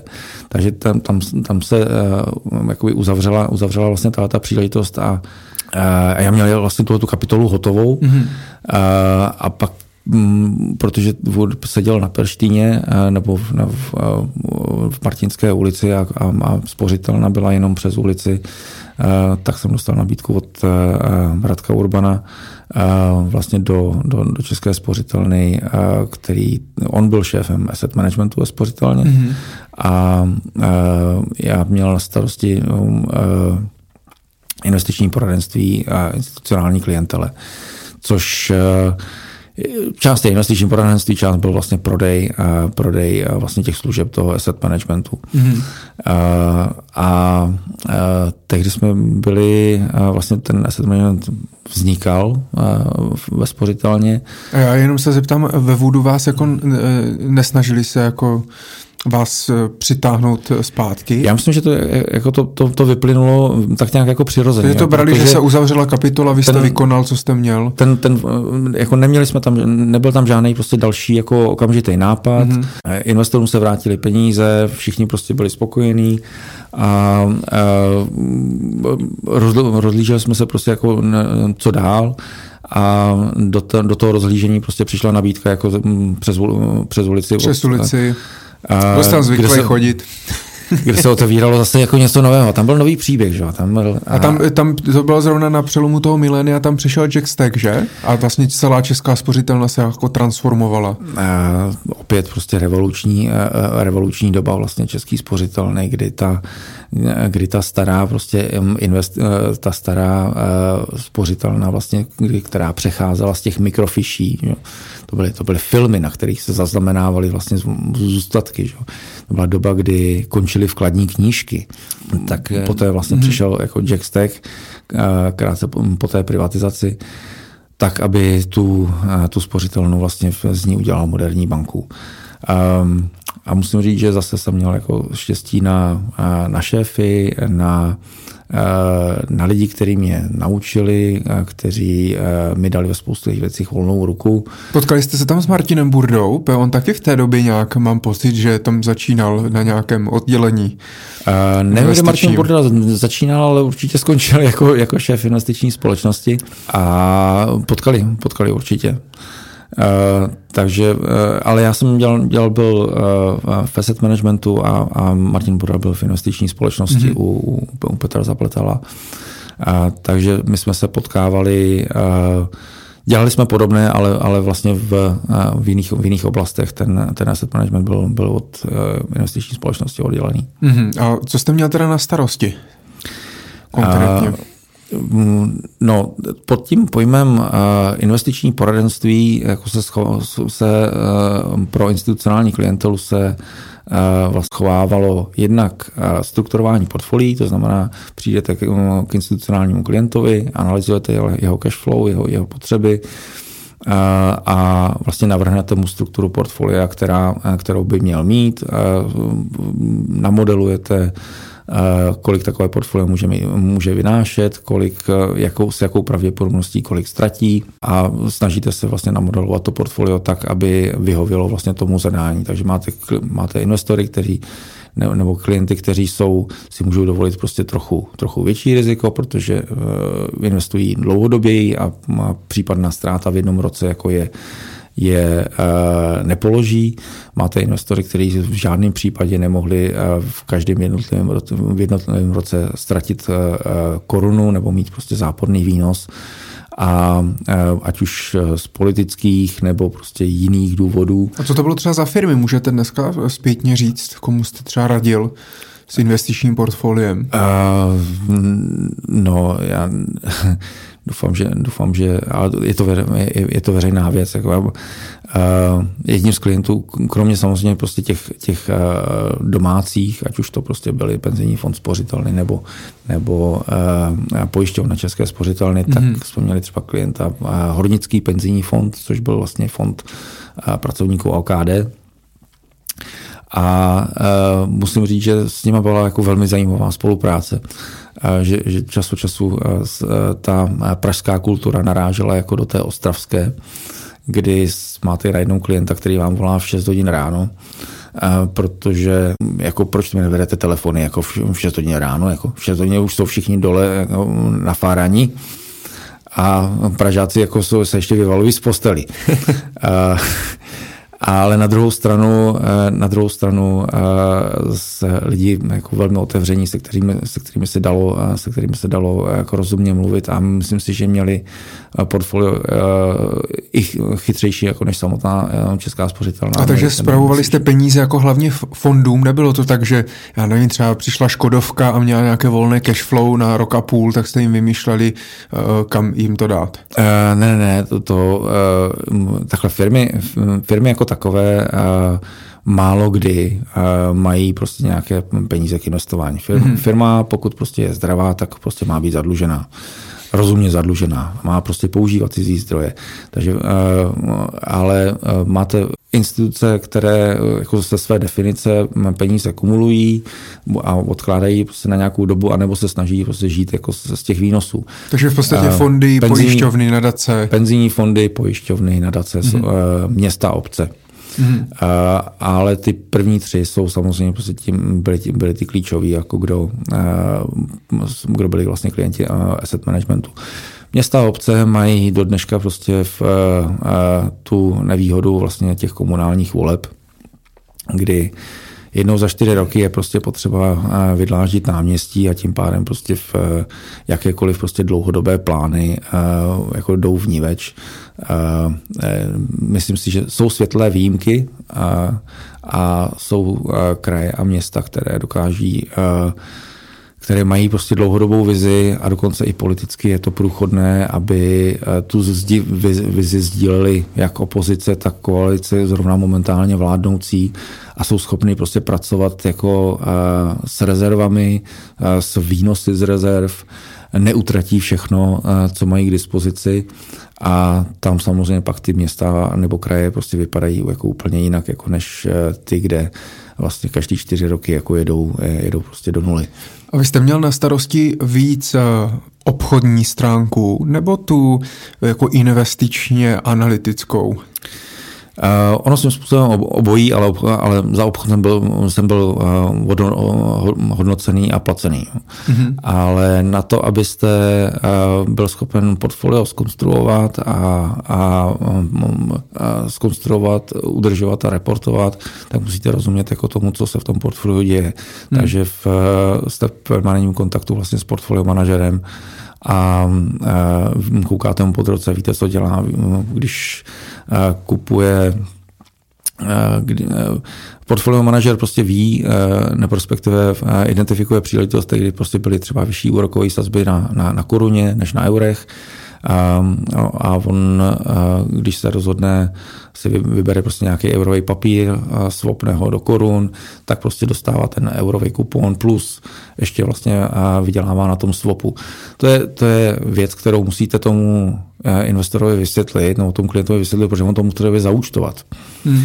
Takže vlastně uh, jednak uh, se jdete spovídat, jako proč zrovna momentálně uh, vlastní, já nevím, dluhopisy Volkswagenu, uh, proč zrovna Volkswagen a proč ne prostě jako jakoukoliv jinou firmu, proč jste ji vybral, takže prostě na základě nějakých parametrů uh, uh, takže to jako bylo hodně přísný, že hodně kontrolovali, jako jaké papíry tam máte, museli jste vysvětlovat, eh, proč a jak při nějakém jako ročním nebo půlročním zhodnocení. Tak vy jako, jako správce portfolia se vždycky spovídáte z toho, co, eh, z toho, co tam jako provádíte. A samozřejmě těch otázek je méně, pokud eh, ty výnosy jsou abnormální, Otázek je středně, pokud eh, výnosy jsou tak nějak jako v rámci očekávání prostě eh, eh, toho, toho klienta.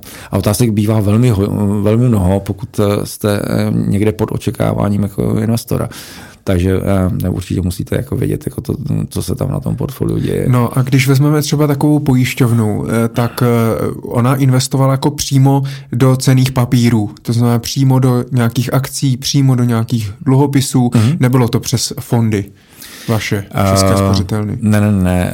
Tam je, některé investice se dělají přes fondy, některé investice se dělají napřímo. Mm-hmm. Uh, přes fondy se snažíte dělat investice, které jsou buď komplikované prostě na účetnictví, jo, ten institucionální klient má má uh, tak trochu handicap v tom, že to nemůže prostě vést jako na papíru od mouky, ale že opravdu musí ty, ty operace zaúčtovat.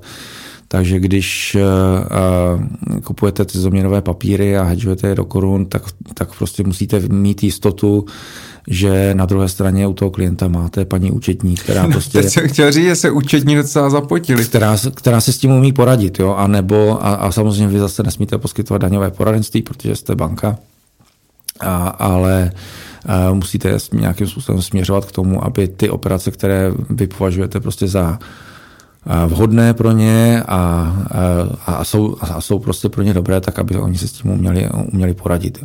Mm-hmm. Některé investice děláte přes fondy, buď kvůli složitému účetnictví, anebo protože prostě ta příležitost se jinak nedá uchopit, ať už to jsou, ať už to jsou já nevím, nějaké hm, private equity věci, nebo to jsou eh, investice prostě v, v zahraničí, nebo, eh, nebo, ty, nebo minimální investice třeba 10 milionů euro, no tak jako je lepší prostě v, si vzít nějaký podíl na fondu a investovat tam prostě jenom ekvivalent prostě třeba půl milionu euro a ostatní a, a, a ostatní, ostatní prostě dodají ten zbytek ale spousta investic je napřímo, mm-hmm. protože... Kupovali jste i ETF v té době? Už v Americe byly, ale tady v Evropě asi um, tolik ne. Uh, ano, uh, a kupovali se, kupovali se uh, třeba ETF na, na uh, eurové, uh, eurové fixed income a, a hedžovalo se to do korun. Uh, ale uh, vždycky, vždycky, vždycky prostě je, je, je lepší prostě i uh, když, když uh, můžete a nezabijou vás prostě poplatky a ten účetní to zvládne, tak je, tak je pro to institucionální klienta lepší, prostě, když tu investici má napřímo. Mm-hmm. Dá se, vy jste tam vydržel, tady už jste byl delší dobu, vydržel jste tam sedm let do září 2000, do října 2008 a bylo něco nebo dokážete třeba něco vypíchnout, eh, co jste si tady z té pozice nebo tady z tohohle období odnesl, co jste se naučil? A já jsem se mm, jako všude, všude jako někde něco učil. Jo? A, a eh, ta, eh, ať v té spořitelně třeba v, se můj, mojí zábavou jako bylo to, že jsem jako využil svoje znalosti jako programování a, a, a takže CRM, tehdy ve spořitelně neexistující, tak my jsme e, měli jako v tom asset managementu jako CRM. Co vy neumíte?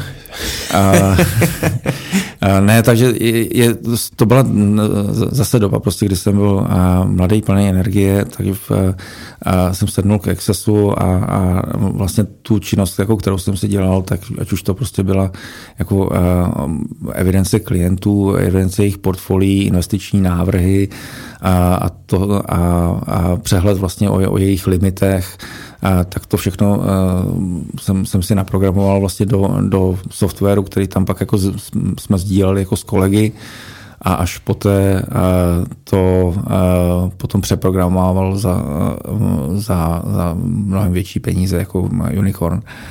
A, takže tam jsem se naučil nebo přiučil tohle, to samozřejmě jsem potkal spoustu jako zajímavých lidí, takže krom, kromě, kromě toho, že jsme, jsem se prohloubil jako znalosti programování a, a, a vlastně nahlídnul i do toho světa, co kolegové jako studovali jako CFA a všechny vlastně ty věci, které jsem kdysi slyšel ve škole na, v investicích, tak spousta zajímavých lidí a spousta, spousta přístupů. Zároveň to byla jako pro celou spořitelnu, to byla ta revoluční doba, kdy se konvertovaly vlastně vkladní knížky. To je taky dneska dnešním mladým jako něco obtížně vysvětlitelného, co to byla vlastně vkladní knížka. A to se nás vrací. Uh, no, tak dobře, to je, je, to, je, je to prostě fakt jako hodně retro. A vzpomínáte na to rád, na to období? Uh, určitě, určitě. Tehdy vznikala nadace Český spořitelný, kdy jsme vlastně i s Jackem Stekem vlastně vytvářeli investiční politiku, jak taková nadace má, má, má investovat. Uh, tehdy uh, celý vlastně nadační sektor dostával peníze z NIFu, to byl nadační investiční fond, což byly vlastně peníze, které jakoby přebyly z kuponové privatizace a řeklo se, že se rozdělí ve prospěch občanské společnosti, tak tady vzniklo tuším 63 nebo 64 nadací, které najednou získávaly desítky milionů korun, které bylo potřeba investovat a my jsme vlastně s nimi dávali dohromady vlastně jejich investiční strategie, politiky, co s těmi peníze mají dělat. Myslím si, že Eh, snad jako někde na, na, eh, na mě ještě jako vzpomínají jako v dobrém, jako že mají jako nějaký slušnější základ jako v tom. tak je zdravíme, věř, věřím tomu. Eh, jak jsem říkal, vy jste končil v říjnu 2008. V roce 2008 už někteří naši posluchači ví, že proběhla taková menší korekce na finančních trzích. To bylo to, co vás ovlivnilo třeba pro, pro váš odchod, nebo mělo to i vliv na tu práci toho asset managementu? Asi jo? Uh, tak určitě, určitě to mělo vliv jako na, na, na práci asset managementu. Ten rok 2008 jako, uh, reportovat jako nikoho moc jako nebavil, ale ono tam byly, tam byly dvě věci. Jo. Uh, jednak uh, byla vlastně uh, propukající jako finanční krize a druhá začínalo české předsednictví v EU. A musím říct, že v té spořitelně tím, jak jsem tam byl sedm let, tak došlo ke konstelaci personální, kdy v momentě, kdy jsem dostal jako nabídku z ministerstva financí, jestli bych jim nepomohl někde nějakou radou k těm finančním trhům při českém předsednictví, protože samozřejmě finanční krize byla něco, jako co, co, co se hmm. řešilo jako velmi urgentně. A jak přichází um, taková nabídka z ministerstva financí? Přišel e-mail nebo? Holub. ne, ne, ne, zas, nabídky přicházejí po lidech a Uh, musím říct, že uh, myslím si, že mě uh, můj šéf, uh, který pak se stal šéfem investiční společnosti Rady Kurban a já už jsem byla se, měl jako jiného šéfa, tak mi, uh, tak mi předal, předal vlastně poptávku uh, od tehdy náměstkyně ministra Kláry Hajkové, která měla na starosti právě regulaci finančních trhů a kde byla poptávka prostě po, po lidech z, z toho finančního sektoru. A proč jste to přijal? Jaká byla e, jako motivace? Cítil jste se i třeba vyhořelý po těch sedmi letech v té spořitelně? Um, nemyslím, že vyhořelý úplně, ale Eh, prostě sedm let je, sedm let je dlouho a, a eh, zároveň eh, i tam byla prostě konstelace mm, tak nějak jako personální taková, že jsem si říkal, myslím si, že je dobrý prostě poděkovat jako za těch sedm let jako ve spořitelně a, a jít, jít uh, zase jako k jiným zážitkům. A vy jste byl teda zaměstnanec ministerstva financí, nebo se jim to faktoroval? Byl, no, zpočátku, zpočátku takhle, když jsme vyjednávali jako podmínky a, a zjistil jsem, jako, co jsou tabulkové možnosti jako ministerstva financí, tak jsme se dohodli, že po, prostě po, po dobu českého předsednictví ty podmínky budou, budou trochu jiné. Myslím si, že, myslím si, že na tom netratil jako nikdo. Můj příjem klesl teda asi tak jako na čtvrtinu, jo, ale... Mm-hmm. Co doma na to? Víte co, já jako nikdy jsem se nedostal jako do situace, kdy uh, bych jako nepřežil jako rok jako bez příjmu, takže... Uh, Máte rezervy? No, to je tak nějak jako... Uh, ano.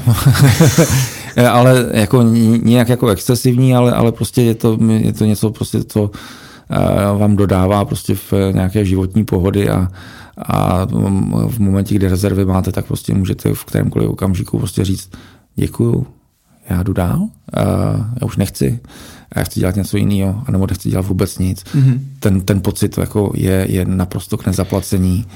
A, takže proto ano. Ale tak je to, určitě, je to určitě výzva. Vy jste i eh, v listopadu 2009, tak jste se stal členem komise České národní banky právě pro finanční trhy. To ještě teda tehdy ten dohled nad finančními trhy byl nějakým způsobem oddělený, protože já vím, že pak Česká národní banka v podstatě přebírala spoustu pravomocí od, od ministerstva financí. Vybavíte uh, si to, jak to bylo předtím? Nebo v té době? Uh, Takhle tam je, tam je jedna věc byla jakoby české, to, to české předsednictví, hmm. což teda byla jako naprosto mimořádná, mimořádná zkušenost a, a kdy prakticky z toho, z toho finančního sektoru jsem se do, jsem padnul jakoby do světa mezinárodní diplomacie. Vlastně byl jsem u toho, kdy se vyjednávali, eh, vyjednávali vlastně všechny ty, eh, jednak jak ty politici prostě koukají prostě s tou hrůzou, když prostě ty burzy prostě padají dolů a banky postupně hlásí, evropské banky a ta velká jména postupně hlásí, jako kdo má, kdy, jaký problémy, kolik kdy, kdo bude potřebovat peněz. A prakticky všechno to, co to, co dneska známe jako i z, z těch amerických filmů, tak to se dělo v Americe, to se dělo v Evropě taky. Jenom se to ne, neprojednávalo jako v, v oválné pracovně nebo v, nebo v JP Morgan, ale odehrávalo se to v, v Berlemontu nebo v budovách Evropské komise, případně prostě u těch jednotlivých regulátorů.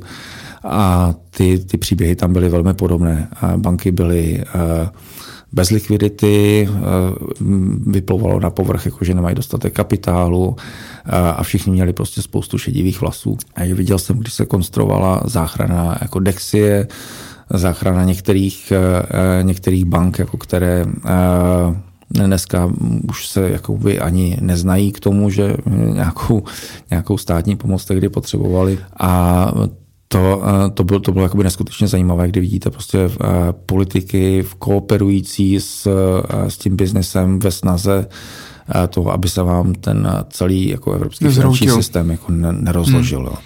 Hmm. Byla to doba, kdy vlastně se i u nás zavedlo 100% pojištění vkladů. My až hmm. vlastně do finanční krize jsme měli vklady pojištěny jenom z 90%. Což upřímně řečeno já jakoby do teďka si myslím, že to není úplně jako nešťastnější nápad, ale, ale prostě z pohledu uh, stability finančního systému uh, jsou, ten většinový názor je, že prostě mít vklady v bankách regulovaných 100% pojištěné, tak jako ten zvítězil.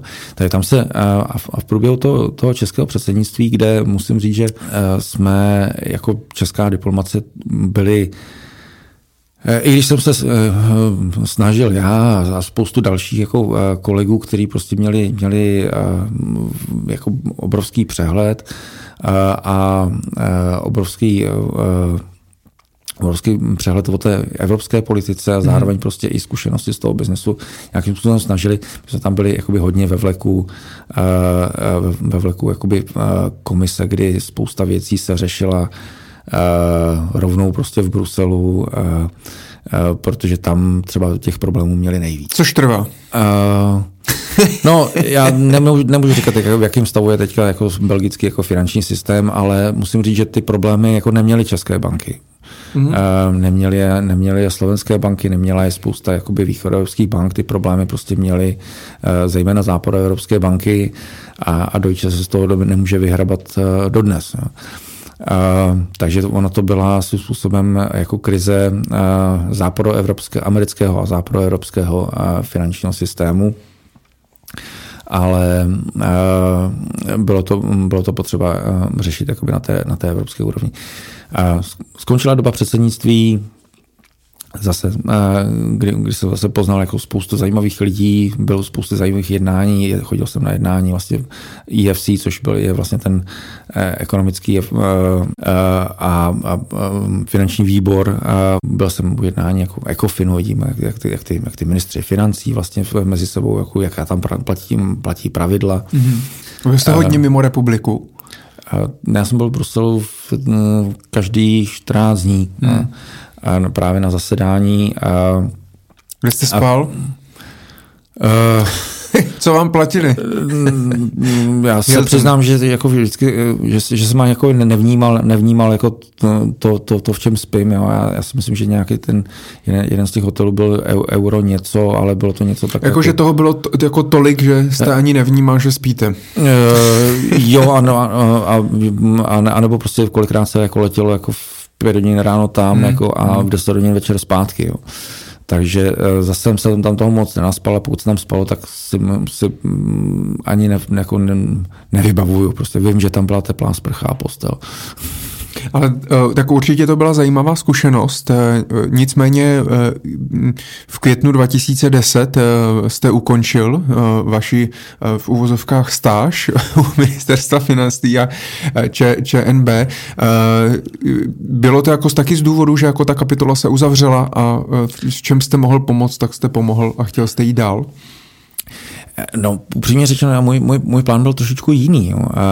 Já, I po, po skončení toho předsednictví, jako mě se Uh, jinak jsem, uh, musím říct, že ten půl rok jako byl jako hodně, hodně intenzivní a když prostě neustále lítáte a, a teďka uh, připravujete prostě věci, máte tam trošičku frustrace v tom, že prostě připravujete tlustý materiály a řeči tím vašim náměstkům a jejich příspěvky, nebo vyhledáváte pro ně věci, a pak třeba ke spoustě věcem jako se to nedostane jakoby ani k jednání, takže spousta práce jako je tam zbytečně, ale prostě to vyplývá, vyplývá prostě z toho, jak ta jednání jako se vedou. Nicméně potom, po tom půl roce jako, uh, jsem byl docela dost vyšťáný. A, a, a musím říct, že uh, jsem si říkal, tak a co teďka si dát jako, tak trošku jako, uh, jako životní pauzu. No. A tak jsem se dohodl, zda bych prostě na to ministerstvo financí nemohl pokračovat, tentokrát jako zaměstnanec, s tím, že bych třeba vedle toho doktorát na VŠE, co a... zalíbilo to studium od té doby, co vám ty studentky vaše dělali zápisky? ne, tak já, já jsem většině student, já, já jsem v, i v, té, i v průběhu té, té spořitelné, jako jsem byl na bankovním institutu a vlastně v, po, po, víkendech, po víkendech a pácích a víkendech jako studoval, no, vychodil ten, ten, ten bankovní institut. Eh, spíš jako z toho důvodu, že eh, všichni mi říkali, pane inženýre, já jsem inženýr nebyl. Já jsem sice měl MBA, ale nebyl jsem inženýr. A tak, abych jim nemusel jako říkat, hejte, já nejsem inženýr, tak, tak jsem radši jako ty dva roky to poctivě jako odstudoval. Ale... Uh, a od té doby vám nikdo inženýr neříká. no, od té doby už mě se neříká inženýr. Jako. Ale uh, takže, takže jsem si říkal, že bych mohl mít jako takové jako klidnější období a tak nějak jsem si to jako hezky na, na, jako na, nalajnoval. Uh, s paní náměstkyní jsem se dohodnul, uh, že mě tam, že mě tam nechá působit jako v analytickém odboru a, při té příležitosti za nějaký plat, jako který tam funguje a, při té příležitosti a, jsem si říkal, tak a co, co takhle jako zkusit jako doktorát jako na VŠE. Já jsem se přihlásil jako na postgraduální, na postgraduální studium na, na VŠE a říkal jsem si, tak a výborně, a teďka jako nastane ta klidná doba, já, já budu jako vyrábět jako ty analýzy, jako na to ministerstvo financí, budu připravovat jako ty věci, přežiju prostě tu hroznou jako chodbovou politiku, která je jako v těch státních institucích, eh, kde eh, to, z biznesu to neznáte, jo, ale, ale eh, tam vám prostě přijde líto, když se jako lidi zadírají za, jako vzájemně pro věci, které jsou uh, malicherný nebo, nebo nestojí za to. Nicméně prostě to je politika, to si prostě musíte jako na to, na to zvyknout. Jako kdo chce dělat jako v parlamentu, tak, uh, tak prostě si musíte jako zvyknout na to, že někomu blokujete nějaký naprosto logický a dobrý návrh jenom proto, protože potřebujete prosadit něco svýho. Bohužel takhle to funguje, prostě, nebo to byl jako i můj pocit jako ze státní zprávy, kde vám prostě třeba jiný ministerstva nebo jiné části stejného ministerstva jako blokují věci jenom proto, že prostě zase potřebují jako prosadit. Jako, a tam, jestli, jestli, jestli business jako je uh, business jako takový jako není, je, je, je prostě soutěž, je to nějaká jako, uh, uh, je to hra, jo. ale politika jako taková, to je prostě fakt jako kšeft. Tam prostě uh, máte agendy, teďka se, uh, kde hrajete o tom vlastně, čí agenda se prosadí a komu budete co blokovat, prostě jenom proto, jako aby se, aby on vám jako ustoupil někde něco, kde prodáte prostě nějaký svůj úspěch. Takže uh, jako ten přeží, přeží jako život prostě v, v politi nebo v, ve státní správě, která do značné míry prostě této politikou ovlivňována, jako je mentálně jako náročný. Já musím říct, jako, že, že obdivuju lidi, kteří v tom umějí, eh, kteří v tom umějí chodit a prostě doteďka se ještě jako nezbláznili a jsou dobrými úředníky a jich spousta. A proto jste odešel? Uh, ne. uh, to ne, jako, ne, já, jako to, to byla, jako plán, plán byl jiný, jako plán byl prostě jako v klidu, uh, v klidu prostě fungovat, uh, fungovat jako na to ministerstvo financí a udělat jako ten, uh, ten, ten, ten doktorát a to byl plán, jo. Uh, nicméně uh, pak uh, se vám sejdou prostě dvě věci najednou. Nějakým způsobem žijete, že žijete z, jako, z těch úspor, jako rodina funguje, jako máte za co jíst, tak podobně. A nějaké velké vyskakování to není, ale, ale prostě jako furt z čeho máte, máte žít. A pak se vám sejdou dvě věci najednou. Um, Eh, jednak eh, vás osloví eh, vaše sousedka, se která, která jako sdílí druhou polovinu domu, ve kterém bydlíte, protože bydlíme, no, bydleli jsme jako ve dvojvilce my jsme vlastně mm-hmm. jako jednu půlku a sousedka vlastně, vlastnila jako druhou půlku a, a s tím, že řekla, víte co, milí mladí, eh, já chci byt, eh, byt a klid, takže já jdu prostě tu svoji půlku prodat. No, takže eh, v momentě, kdy si myslíte, že máte peněz dost na to, jako že vyžijete, tak najednou jako zjistíte, že potřebujete docela nutně koupit jako druhou půlku baráku, protože při představě jako nějakého nepříjemného souseda mm-hmm. je, který vám vlastně může jako buď znehodnotit anebo, tu, tu vaší půlku, anebo zvošklivit život, tak se jako říkáte, že možná bude lepší prostě tu druhou půlku vlastnit. No a teďka samozřejmě za co? A to je jedna část, která se vám sejde, ta druhá, ta, ta druhá část je, že eh, se vám ozve eh, spolužák jako ze školy, eh, s chodou okolností generální ředitel JNT banky a říká, hele, dané, jako my jdeme jako kupovat Atlantik a potřebujeme, potřebujeme prostě s tím jako nějak pomoct. No takže se vám sejdou prostě dvě věci zároveň a, a v té chvíli uh, řešíte co. Že? No a takže celé postgraduální studium prostě jde, jde, jde plavat, takže bohužel jako nebudu doktorem, a, ale myslím si, že jako česká ekonomická nebo světová ekonomická věda jako nepřijde uh, o nic jako zásadního, jako pokud uh, to nevystudujete. nebudu mít jako PhD, já napíšu jako zásadní dizertační práci. Takže z toho si jako moc hladovou nedělám. Takže ty dvě, dvě věci se sešly a, a tak jsem se vlastně v, dostal vlastně do, no, do GNT. No a vy jste na to kejvnul, takže od června 2010 jste se stal teda šéfem pro finanční trhy v GNT bance, tak to byl ten druhý, co ten první, koupil jste tu druhou půlku toho domu? To se zadařilo, no. to, se, to, to se zadařilo, protože jako samozřejmě prostě jako se na výplatní pásce, respektive v pracovní smlouvě objevila částka, kterou už ta, ta hypoteční banka potom jako uznává jako nějaký jako rozumný příjem. Jste nějaký upisovací bonus. Ne, ne, ne, to ne, to ne, to ne, to ne, to, to je, eh, to, to zase, eh, jako, eh, takhle jako moje rada, jako já jsem to dělal jinak. Já, já jsem nejdřív prostě s pomocí jako přátel, kamarádů nejdřív to koupil a pak teprve prostě řešil jako... Já jste si to profinancoval. Refinancování jako mm-hmm. tou hypotékou. Jo. To, že jsem prostě chvilku jako kamarádům a, a, a Tchánovi a podobně jako dlužil jako za pět a sedm a, a, a více procent, to bylo tak nějak jako jedno, protože to bylo na pár měsíců. Ale takže musel jsem absolvovat jakoby tu dobu, kdy, kdy samozřejmě uh, jste zaměstnán jednak na dobu neurčitou a zároveň prostě máte aspoň uh, už tři výplatní pásky za sebou, kdy vám ta, kdy vám ta hypoteční banka jakoby trochu víc věří. Uh, a vy jste to financoval přímo jako u hypoteční banky? Ne, ne, ne, u hypoteční banky, to u, u, uh, u jiné banky. U jiné banky. Byla to hypotéka u jiné banky. A... Takže se vám podařilo teda eh, jak získat eh, tu druhou polovinu domu, tak získat zaměstnání v GNT bance. Vy už jste v té době vnímal GNT banku jako, jak to říct, jako firmu, která něco znamená, protože ona už v té době před těmi devíti, devíti lety tak byla poměrně velká ta společnost i jako banka jako taková. Určitě, jako, ta, jako GNT je firma, kde se pořád něco děje. A kde je spousta chytrých lidí, kde je spousta projektů a kde je spousta partnerů a klientů, kteří, kteří prostě v, schání prostě financování a na, na ty projekty, takže tam je, permanent, tam je permanentně armáda chytrých lidí, kteří na ty, ty projekty projíždějí, analyzují a vyhodnocují prostě v zda a je, případně jak do toho jít. A v rámci té české spořitelny, když jste ještě byl, tak jste ji vnímal tu firmu? Nebo, uh...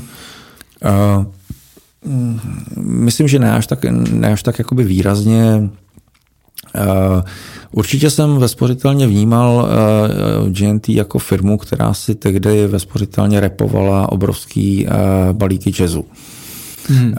kdy vlastně měla odspořitelný, odspořitelný půjčeno prostřednictvím REP jako na akcie Česu, který úspěšně skupovala za levno a úspěšně za draho prodala.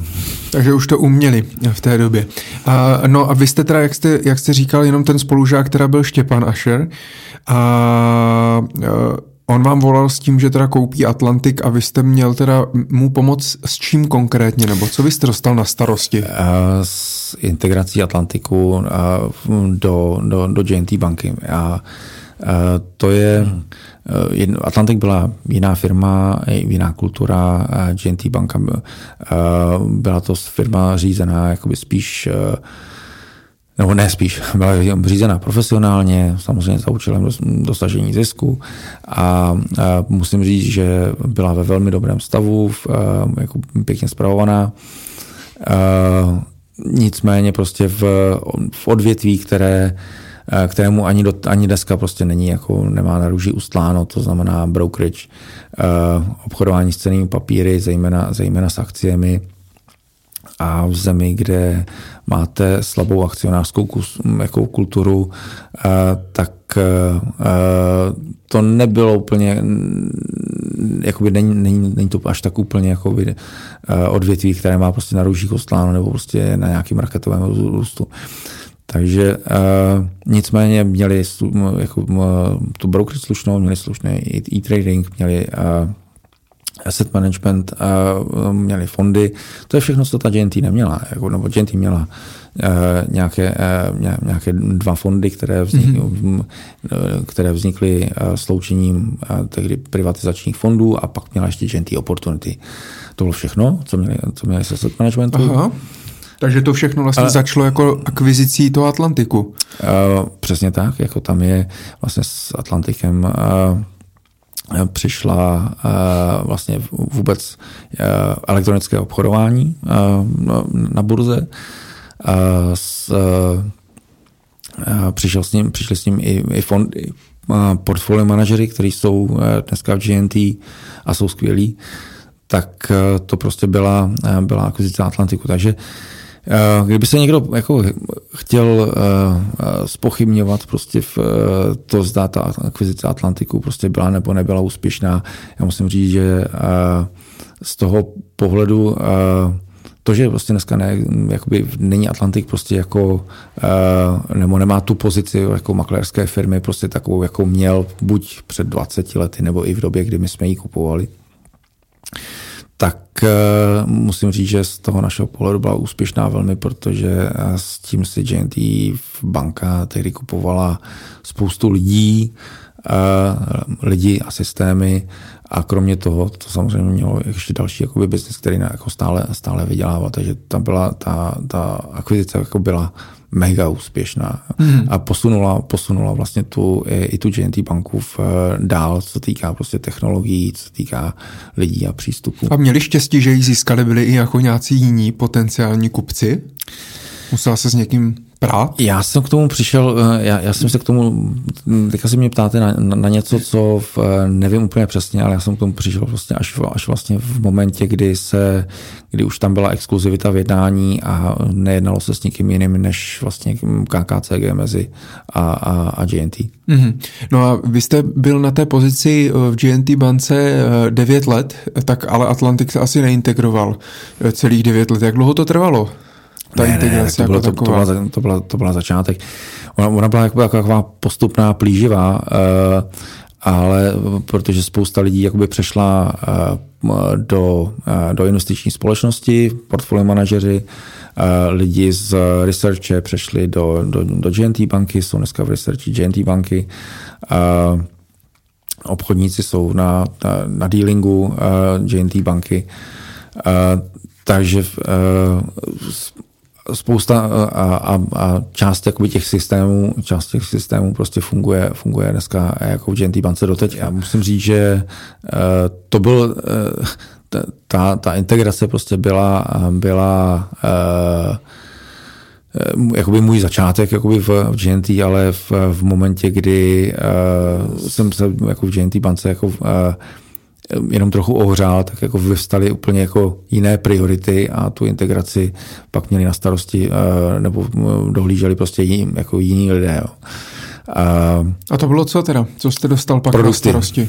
Produkty. A produkty, protože v té době v roce 2010 jako GNT banka měla a jedno GNT Opportunity, a jednu, a jeden fond eh, GNT Perspektiva, pak zakvírovala vlastně ty fondy Atlantiku a to bylo všechno. Takže z pohledu fondu tam bylo, tam, tam, tam toho nebylo mnoho a, a v té době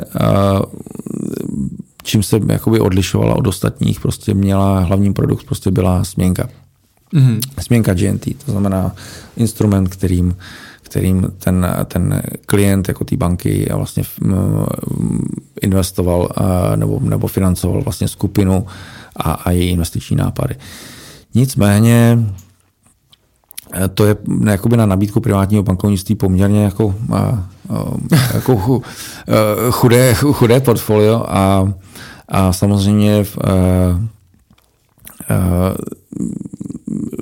které, které prostě by chtělo, chtělo prostě obohatit a druhá, tam vlastně přicházeli, eh, i, i jak se ta, ta, ta skupina rozrůstala a má vlastně kolem sebe spoustu jakoby partnerů, projektů, klientů, tak eh, vyvstala potřeba vlastně v, se eh, větších a větších prostě financování více a více vlastně projektů. Mm-hmm. A ta banka na to sama, sama nestačila. Jako v době, kdy jsem vlastně přicházel do GNT, tak GNT banka měla bilanční sumu něco jako 27 miliard korun. Takže úvěr, který, který prostě maximální úvěr, který můžete někomu poskytnout, tak je vlastně dán velikostí vašeho kapitálu a, a řekněme, že to je to úplný maximum vlastně je 20%, 20% vašeho vlastního eh, kapitálu. A, takže jste museli vlastně uh, řešit eh, teda rejs dalšího kapitálu do té banky jako zvěštění té bilanční sumy? Ne, tak samozřejmě jak banka rostla sama o sobě, ale, ale v, mohla růst jako jenom tím, co ty um, a její akcionáři prostě do ní můžou dát, jak můžou navýšit kapitál a i když prostě veškerý zisk prostě v byl vlastně eh, reinvestován dále do banky, vlastně do kapitálu banky, tak ono to nestačilo jako na ten objem biznesu, který jako přes tu GNT prochází. Celá logická cesta, jak eh, vlastně vy můžete dělat jako větší objemy a mluvit prostě do, do, větších, do většího množství větších dílů je nemít eh, v cestě vlastně toho financování tu svoji bilanci, ale nabídnout tu expozici přímo. Takže Poté, co jsme rozdělili jako další směnkové programy dalších společností, tak jsme vlastně v GNT bance začali dělat dluhopisy.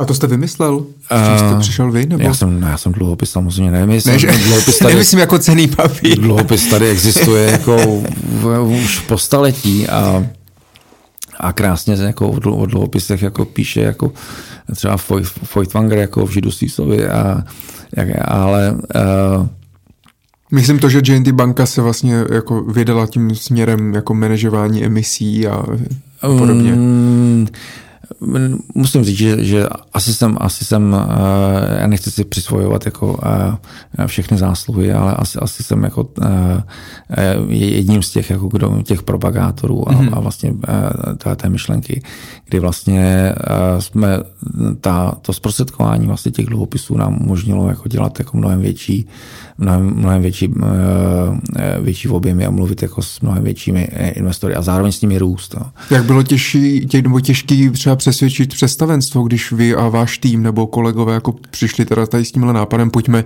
dělat dluhopisy? Uh, no, vzhledem k tomu, že jsem v, v tom roce 2010, jako předtím, jako než jsme se přestěhovali jako do jiných kanceláří, tak v tom roce 2010 jsem sdílel jako jednu kancelář eh, s generálním ředitelem a ještě s dalšími lidmi a, a byla to teda jako jedna kancelář, jako ve které se kouřilo. Uh, tak uh, to přesvědčení trvalo asi tak... Uh, Jednu cigaretu.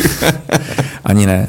Uh, takže jenom v tom, v tom roce 2012 se, uh, jsme udělali čtyři emise s tím, že jsme jako jedno z prvních prostě bylo třeba ABS Jazz, která už je dneska dávno splacená, uh, nebo Big Board, uh, který se financuje na vlastně prostřednictvím dluhopisu do teďka. Další emise, které přišly poté, byly CPI, který vůbec jako zem, oni už nějaký, nějaký dluhopisy předtím dělali, ale uh, rozhodně je neměli prostě v takových objemech, jako, jako dělali dneska s náma. Ale vy jste teda museli přijít asi za nima, když oni nevěděli, že JNT banka to dělá.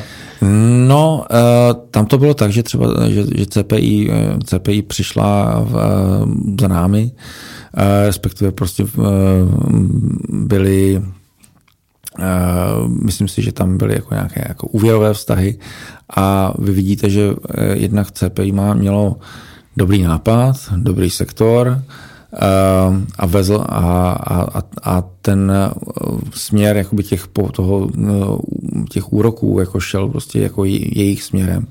A vy vidíte, že prostě oni mají možnost relativně neříkám levně, ale dobře nakupovat a ještě lépe refinancovat. A Eh, takže proč jako jim v tomhle tom nepomoct?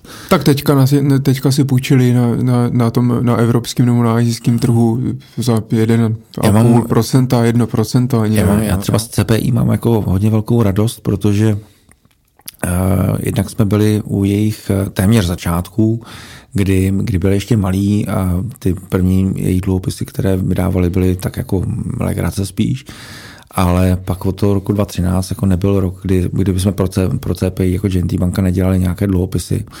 A ty objemy byly větší a větší, oni kupovali další a další nemovitosti a Jedna, jedna věc je, že, že je kupovali, kupovali za dobře a zároveň ještě lépe refinancovali. A tak, jak klesaly úrokové sazby, a taky to byl neskutečný jako vítr jako do, a, do jejich plachet. A dneska už jsou, dneska už je CPI tak velké, že a, ani my, a, hmm. ani jako GNT banka, ani s tím, když jsme a, se začali dělit vlastně o ty objemy těch emisí s ostatními, tak už jsme jim přestávali stačit a dneska, dneska už jako vyrostli a přerostli, že jsou vlastně financovatelní rovnou vlastně na, na, na eurobondovém trhu, jsou s ratingem. Já z té firmy mám jako obrovskou radost. A jak moc těžké je eh, vlastně vytvořit eh, takovou emisi? Není to těžké, pokud eh, ta, ta firma je, jak říkáme, jako bond ready. To znamená, jednak má nějaký finanční plán, má, má v pořádku čísla. Tím bych začal. Uh, má nějaký, má, má nějaký finanční plán, má nějaký důvod vlastně tu emisi dělat, ta, uh, ten, ten, ta, ta emise vlastně prospěje jakoby té, té, té, té firmě a má nějaký kredibilní uh, zdroj vlastně splácení a v momentě, kdy vlastně všechno tohle takové ekonomicky funguje, uh, tak uh, pak vlastně ten, ten příběh jako je, je, je, je logický, tak potom jakoby zvládnou už dneska jakoby jenom, jenom tu techniku, to znamená prostě v firmu popsat do prospektu, otevřít prostě všechny, všechny rizika, popsat je, nastavit správnou prostě úrokovou sazbu prostě na ten dluhopis, najít ty investory pro, pro, pro, ten, pro tu investiční příležitost tak to už je jakoby ta lehčí část. Mm-hmm. A bylo těžké nastavit ze začátku třeba ty procesy, tak aby to fungovalo třeba i automatizovaně? To není tak jako o, o, o automatizaci, ale je to spíš vždycky jakoby na práci s tím emitentem, protože ta největší práce je u toho emitenta. Uh, ono jako vydat dluhopis, který, uh, který jako k něčemu vypadá, uh, tak uh, Eh, ta firma vevnitř to musí uh, hodně změnit. Jo. Musí mít, uh, musí výrazně zlepšit jako finanční hygienu. A tím myslím na to, že kromě toho, že má prostě včas a v pořádku čísla, že pokud je to nějaký složitější holding, tak prostě umí rychle konsolidovat. To znamená, že prostě v protože vy potom potřebujete, aby eh, čtyři měsíce po konci roku měla nejenom sauditované čísla, ještě vypublikované a, a, a venku a každý půl rok. A, eh, tak eh, a pro spoustu firm, které jsou v privátní, kde vlastně nezáleží vlastně na tom čase, tak, tak to je jedno. Ale v momentě, kdy chcete vydávat dluhopis a kdy chcete vydávat veřejně obchodovatelný dluhopis, tak pro tu, pro tu, pro tu firmu je to, je, je to, je to změna. Uh-huh. A chápu to správně, že ty dluhopisy, které nabízíte, tak tím, že ta firma se v podstatě před váma eh, musí svlíknout do naha finančně, tak eh, dává to určitou jako garanci nebo záruku eh, toho, že ta kvalita je, ta firma je kvalitní, když vy ji nabízíte, když ji najdu u vás? Když eh, se s tím potenciálním emitentem bavíme, tak samozřejmě prostě chcete té firmě rozumět a chcete vidět úplně všechno, kde na vás prostě vypadne jakýkoliv, jakýkoliv kostlivec, protože cokoliv zamlčíte do prospektu, za to vás můžou žalovat.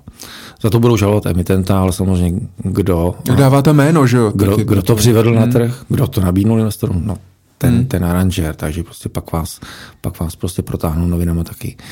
A zatím jako nechci to zakřikanout, jako nebo, ale zatím se nám povedlo jako převést na svět přes stovku emisí a žádná z nich jako neměla problémy. A, a ta hodně velká část jako je v tom, že prostě procházíte, že vidíte, pro, že vidíte prostě projekty, vidíte, vidíte firmy a, a jejich majitele a jejich ochotu a, a jste schopný prostě změřit jejich schopnost a ochotu splácet. A tak vy do nich i sami uh, investujete, že? No, takhle, když se povídáme, tak e, já teďka jenom pro zjednodušení, jako přeskakuju několik e, čínských zdí, ale samozřejmě jsou oddělené týmy, které ten dluhopis, které s tím mluví s tím emitentem, vidí detailně do té firmy, ten, ten dluhopis vlastně připravují, a pak máte oddělený tým, který ten dluhopis uh, nabízí a pak máte úplně oddělený tým, který do toho dluhopisu případně investuje mezi spoustou dalších jako jiných investic. Uh, takže uh, uh, ano, tu reputaci máte vsazenou všude. No. A, i, ale i když prostě vám jakoby fungují prostě všechny ty, všechny ty mechanismy, kdy prostě se ty vnitřní informace nedostanou prostě tam, kam mají nakonec, tak stejně pokud prostě na začátku ten tým, který, který mluví s emitentem, což je u nás jako GNT IB Capital Markets, no. připraví dluhopis, který prostě popíše tak nějak, že i pokud ten fond jako GNT do něj investuje a byl, a byl by to průšvih, tak je to průšvih na mnoha stranách. A, tak dává to určitou i záruku pak možná pro, pro, pro ty investory a líbí se mně, že do toho třeba i sami dáváte vlastně vlastní peníze, že tomu věříte těm, těm projektům a chcete je podpořit. Někdy to jsou vlastní peníze, ale vlastní peníze banky, pozor, jako banka má půjčený peníze, nebo spoustu část peněz má půjčenou a, a máte, tam, a máte tam vlastně peníze fondů, což to nejsou naše fondy, to jsou peníze našich klientů, našich investorů, takže mm-hmm. a, a, ta odpovědnost jako je tam a, jako násobná. Jo? A já vždycky jako, jako z legrace říkám, že jsou jako dva momenty jako ve světě jako investičního nebo finančníka nebo investičního poradce. Ta prv, ten první je a, a prodělat svůj milion a ten druhý milník je prodělat klientů v milion, případně klientů v deseti milion. A, a tím a tím si každý z nás musí, musí projít. A, a, a musím říct, že prodělávat jako cizí peníze je mnohem horší a, a těžší, jako než prodělat jako vlastní. Mm-hmm. A ten biznis s těmi dluhopisy jako takový, tak eh, je typu, že je výnosný pro banku?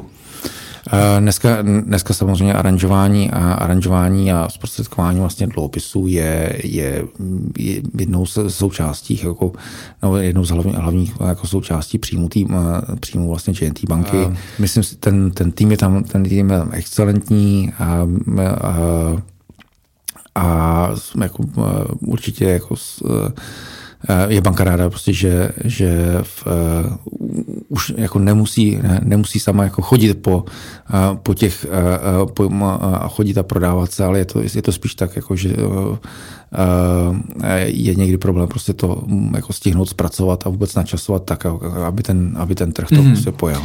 A proč to teda nedělá více bank? Takhle. Jo, já nevím, napadá třeba Privatbanka nebo PPF, oni vydávají své dluhopisy, ale... No, já chápu, proč to třeba nedělá spořitelna nebo nedělá to komerční banka nebo mm-hmm. ČSOB, protože oni mají prostě stále nerozpučované bilance. Oni mají přebytek vkladů, mají k těm vkladům málo úvěrů, takže prostě pokud jako vidí korporátního klienta schopného prostě financování, tak radši mu půjčí sami a s nikým se nedělí. Uh, protože mají nezaměstnané peníze, které by jinak museli prostě vrátit klientům. Uh, proč to nedělají ti menší? Já si myslím, že už začínají. Uh, že, mm-hmm. že, že začínají a že uvidíme prostě, uvidíme tady prostě nějakou, nějakou jakoby silnější konkurenci. Zatím některé z těch konkurenčních pokusů jako eh, dopadly tak, jak dopadly. Dneska o nich čteme v novinách a nemáme z toho jako, jako moc, velkou, moc velkou radost. No a může vám, může vám to právě třeba uškodit ta eh, dnešní situace vlastně na tom dluhopisovém trhu, především na tom dluhopisovém trhu neveřejných dluhopisů a podlimitních nabídek a podobně, kde se to začíná trošku, trošku jako strhávat lavina nesplácených dluhů a podobně. Může to poškodit vás a případně vlastně ten ten trh jako celek? Tohle je obrovská bolest, ale eh, takhle eh, někdy děláme z komára velboda. Jo. To, že nám, eh, to, to, že se prostě v, eh, nepovedl jako zhůd, upřímně řečeno jako firma, která jako ve svém stádiu vývoje neměla být financována dluhopisy. To, že se eh, tady eh, byla další, další emise, relativně velká ve stovkách milionů, prostě patrně bude nesplacená, jenom proto, že eh, nezlobte se na mě, ale prostě eh, to, ten biznis prostě tak, jak byl, tak byl jako nepochopitelný, nebo, ale vidím to prostě jenom, jenom, jenom z toho, co eh, v novinách, nepochopitelný, nefinancovatelný dluhopisy. Bohužel prostě ty dluhopisy vznikly, a, a, ale i když se vezmete, když se vezmete prostě tak, tak co zkrachovala nám nebo má problémy prostě miliarda korun v objemu, jenom GNT banka v, v, v loňském roce v, dělala něco jako 35 miliard korun. Mm-hmm. Jenom v loňském roce to aranžovala plus co aranžovali další, takže ten, je to zlomek toho je to, trhu. Je, je, to, je, to, je, to, je, to, je, to, je to takové ten to plivnutí do sudu vína. Jo. Kdy prostě víte, že to víno jako, že do něj někdo plivnul, ale pořád je to, je to sud vína. Je, je to prostě jako nepříjemnost, ale ten trh je obrovský a rozhodně, rozhodně to není jakoby charakteristika. Jo. To, že jako nemáme, jako, jako že jako, jako GNT banka prostě jako rozhodně nemá radost prostě z, z těch emisí, jako které vznikají. Prostě některé věci jako díváte se prostě na to pohledem jako rodiče nebo na nebo podíváte se na to jako, jako na, na děti, které se nikdy neměly narodit. To prostě hmm. nikdy nemělo vzniknout. Prostě někdo v, v nějakém momentě prostě měl říct tomu emitentovi, nezlobte se, ale vy nejste financovatelní dluhopisy. No ale přišel by o biznis, že? No, buď, anebo to, co, to, co vlastně dneska, eh, jakoby ten, ten největší jakoby prů, úplně jako průšvih je, jsou vlastně ty, ty podlimitní emise a vlastně pod 1 milion euro, kde eh, vlastně ta výjimka z toho, mm, a výjimka na základě které vlastně mohou vznikat dluhopisy veřejně, veřejně nabízené, ale prostě bez prospektu, bez jakéhokoliv popisu, tak to bylo něco, co, eh, kde možná prostě česká legislativa eh, měla možnost to včas nějakým způsobem usměrnit, ale neudělali to, takže to prostě platí to nařízení a to evropské nařízení tak, jak, tak, jak prostě bylo publikováno. A bohužel prostě dneska je možný, eh, že se vy, já, tady paní s krávem naproti prostě sebereme a do jednoho milionu euro si vydáme dluhopisy. A to si myslíte, že špatně? Že by, ne, že by jsme teda neměli mít přístup eh, to, k tomu kapitálu, pokud já bych chtěl třeba diversifikovat financování na nějaký projekt? A nabízel bych to opravdu třeba kvalifikovaným investorům. Ne, ne, ne upřímně řečeno, jako není, není to špatně. Já, hmm. já jako já, já bych rád prostě, aby si jako místní sedlák prostě v, na, malém, na malém městečku nebo na vesnici mohl vydat dluhopisy a standardizovaným způsobem si prostě půjčil prostě od sousedů, protože všichni uvidějí prostě, že on si jde koupit prostě ten kombajn a ten kombajn potřebuje, aby jako sklidil jako tu kukuřici nebo, nebo, nebo pšenici prostě mhm. letos. Mm-hmm. Um, a ať už je to kombajn, nebo je to třídička mrkve, nebo Eh, nebo to je rozšíření prostě autoservisu. Proč by někdo jako nemohl jako vydat dluhopisy, pokud to vydává prostě nějakému eh, limitovanému okruhu osob, ideálně lidí, kteří ho znají a, a, a ale to, co je úplně špatně, je, že když tyhle ty dluhopisy se dají prostě eh, vyrábět jako sériově a prostřednictvím zprostředkovatelů za nehorázný provize distribuovat na druhé straně republiky. A vy vidíte, že ten trh prostě, co si budeme nalhávat, ten trh je tažený minulou výkonností a provizemi. Hmm. V momentě, kdy, dáte, kdy, kdy papíru nastavíte 10% kupon a dáte tomu 5% provizi, tak to, to se stane. Prostě to je, to je zaděláno na neštěstí a, a bohužel prostě pokud prostě jako se, se nedonutíme jakoby k tomu, aby tam byla prostě plná transparence, že jak ten kupující prostě vidí jako co v tom je, kde prostě se, hmm. kde, kde, kde se prostě řekne, i v tom prospektu máte napsáno, co ten emitent zaplatil jakoby za, za vznik toho no, dluhopisu i ty jeho distribuci. Jsou to pořád, i když budete, budete hodně drahý, tak jsou to prostě pořád jako se pohybujete někde mezi od půl procenta do 3%, jako u, 3% u super malých emisí typu jako nízké jednotky, stovky milionů korun a velké emise se dělají někde, někde kolem mezi jedním, jedním dvěma procenty, pokud to jsou prostě nerejtované emise, pokud to jsou eurobondové emise, které se dělají za 0,25, 0,5. Tam je, já tam vidím samozřejmě zase problém v té finanční gramotnosti, o které jsme se bavili už na začátku, proč lidé hmm. neinvestují do akcí a naopak třeba tyto dluhopisy e, s nějakým e, v úvozovkách garantovaným e, nabízeným úrokem, tak prostě kupujou, kupujou rak rohlíky, protože mm, prostě tomu nerozumí, nechápou to, neví, proč by to v tom portfoliu měli mít nebo neměli mít a je otázka, jestli by to drobný běžný střadatel vůbec měl mít a je to hodně o těch, o těch lidech, co to prodávají právě za tu vysokou provizi. Já bych se ale ještě zeptal právě na straně té firmy, firem. Eh, vy jste říkal, že spoustu těch firm zvolilo dluhopisové financování, ač měli zvolit úplně jinou formu financování. Hmm. Uh, tak uh, myslíte si, že taky, že většina těch firm to právě jako nechápe a nemá nikoho, kdo by jim poradil a vidí jenom, jak třeba ostatní firmy, ale s jiným biznisem získávají jednoduše kapitál na těch dluhopisech, tak si vlastně řeknou, no tak my taky, i když to vlastně nedává smysl. Ne, ne, oni to, oni, to chápou.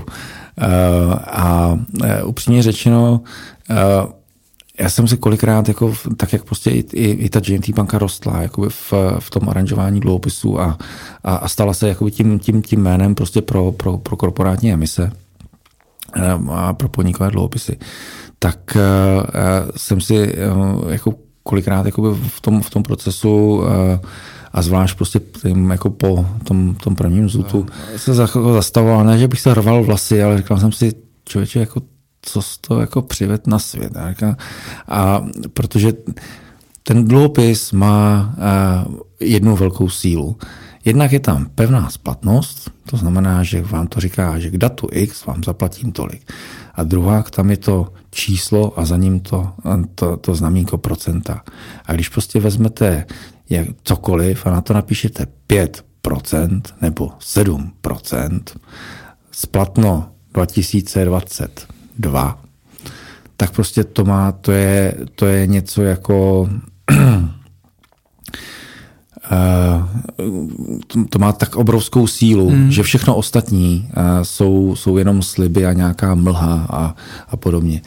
Eh, to, co bohužel prostě jako nikdo nebo málo kdo prostě jako víc zkoumá, ta, jaká je ta, ta, ta schopnost toho, že bude dosaženo prostě toho, co na tom papíru je napsáno, to znamená 5% splatno někdy.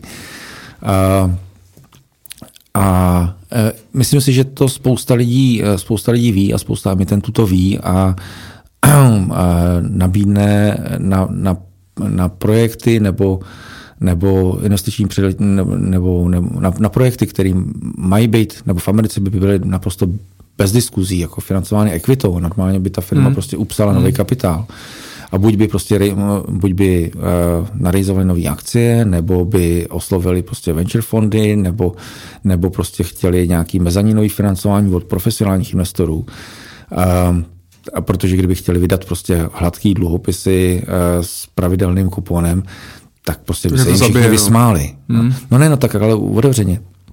Když máte developerský projekt a a, a teďka co, tak standardní, standardní financování developmentu je, Eh, máte nějaký pozemek, eh, máte, který tvoří prostě část equity toho projektu, pak eh, a, a banka vám na, na celý ten projekt pustí Teďka nevím, jak se, jak se přesně jako pohnuli ty, ty poměry, ale řekněme, že vám, že vám dneska pustí třeba 60-70% jako seniorního financování.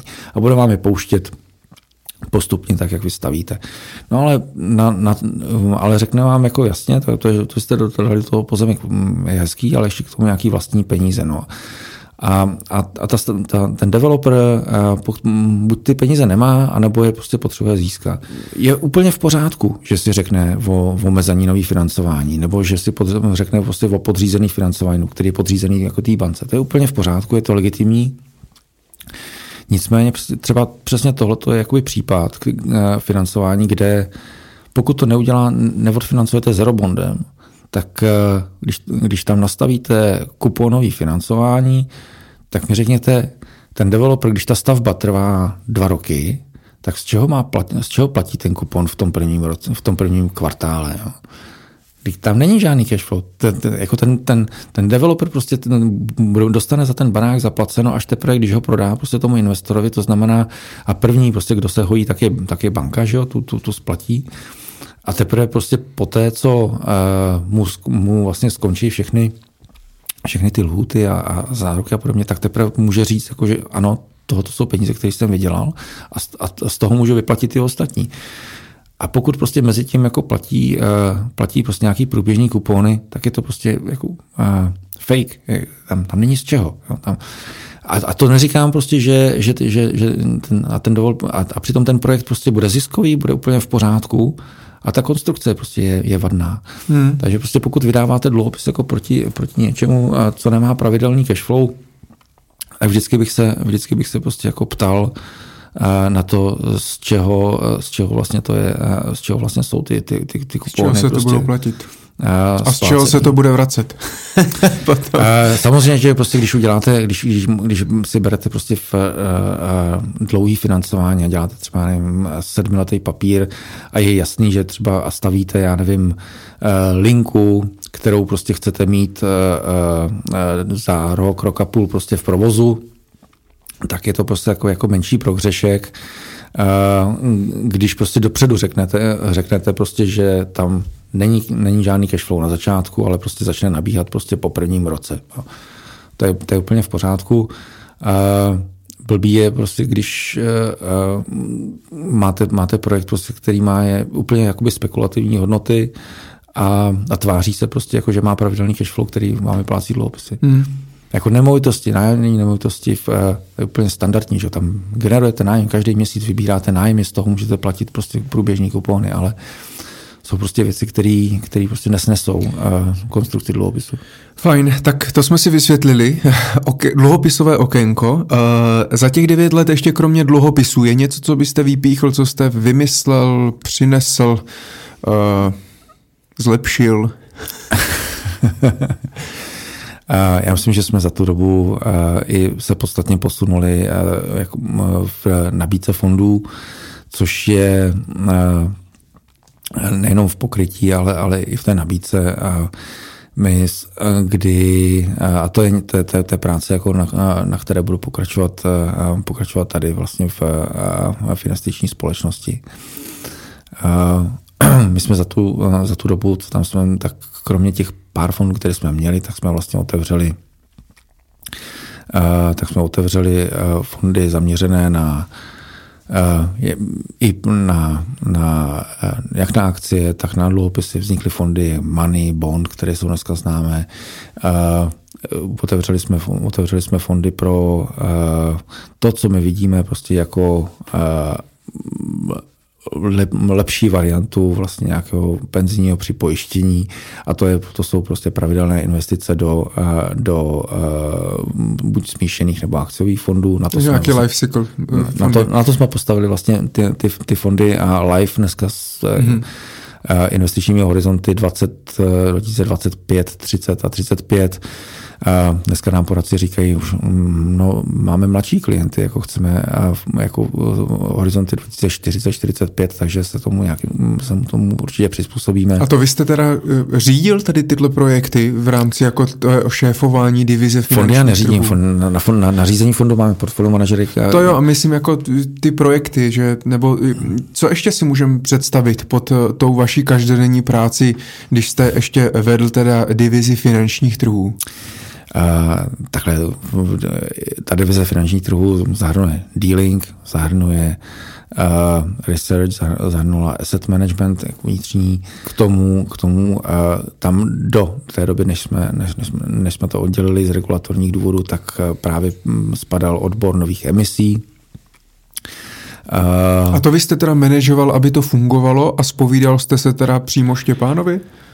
Přesně tak a, a, a to bylo, a, a, ale tam, tam, tam prostě jste uh, už, už jako jenom ten koordinátor, když se prostě mm-hmm. k těm věcem dostanete, uh, dostanete, uh, uh, kdy už nemůžete jít prostě jako do už tak úplného detailu a snažíte se prostě jenom, aby ten, celý ten orchestr jako hrál uh, tu, uh, tu symfonii, jako kterou, uh, kterou chcete přednést jako divákům.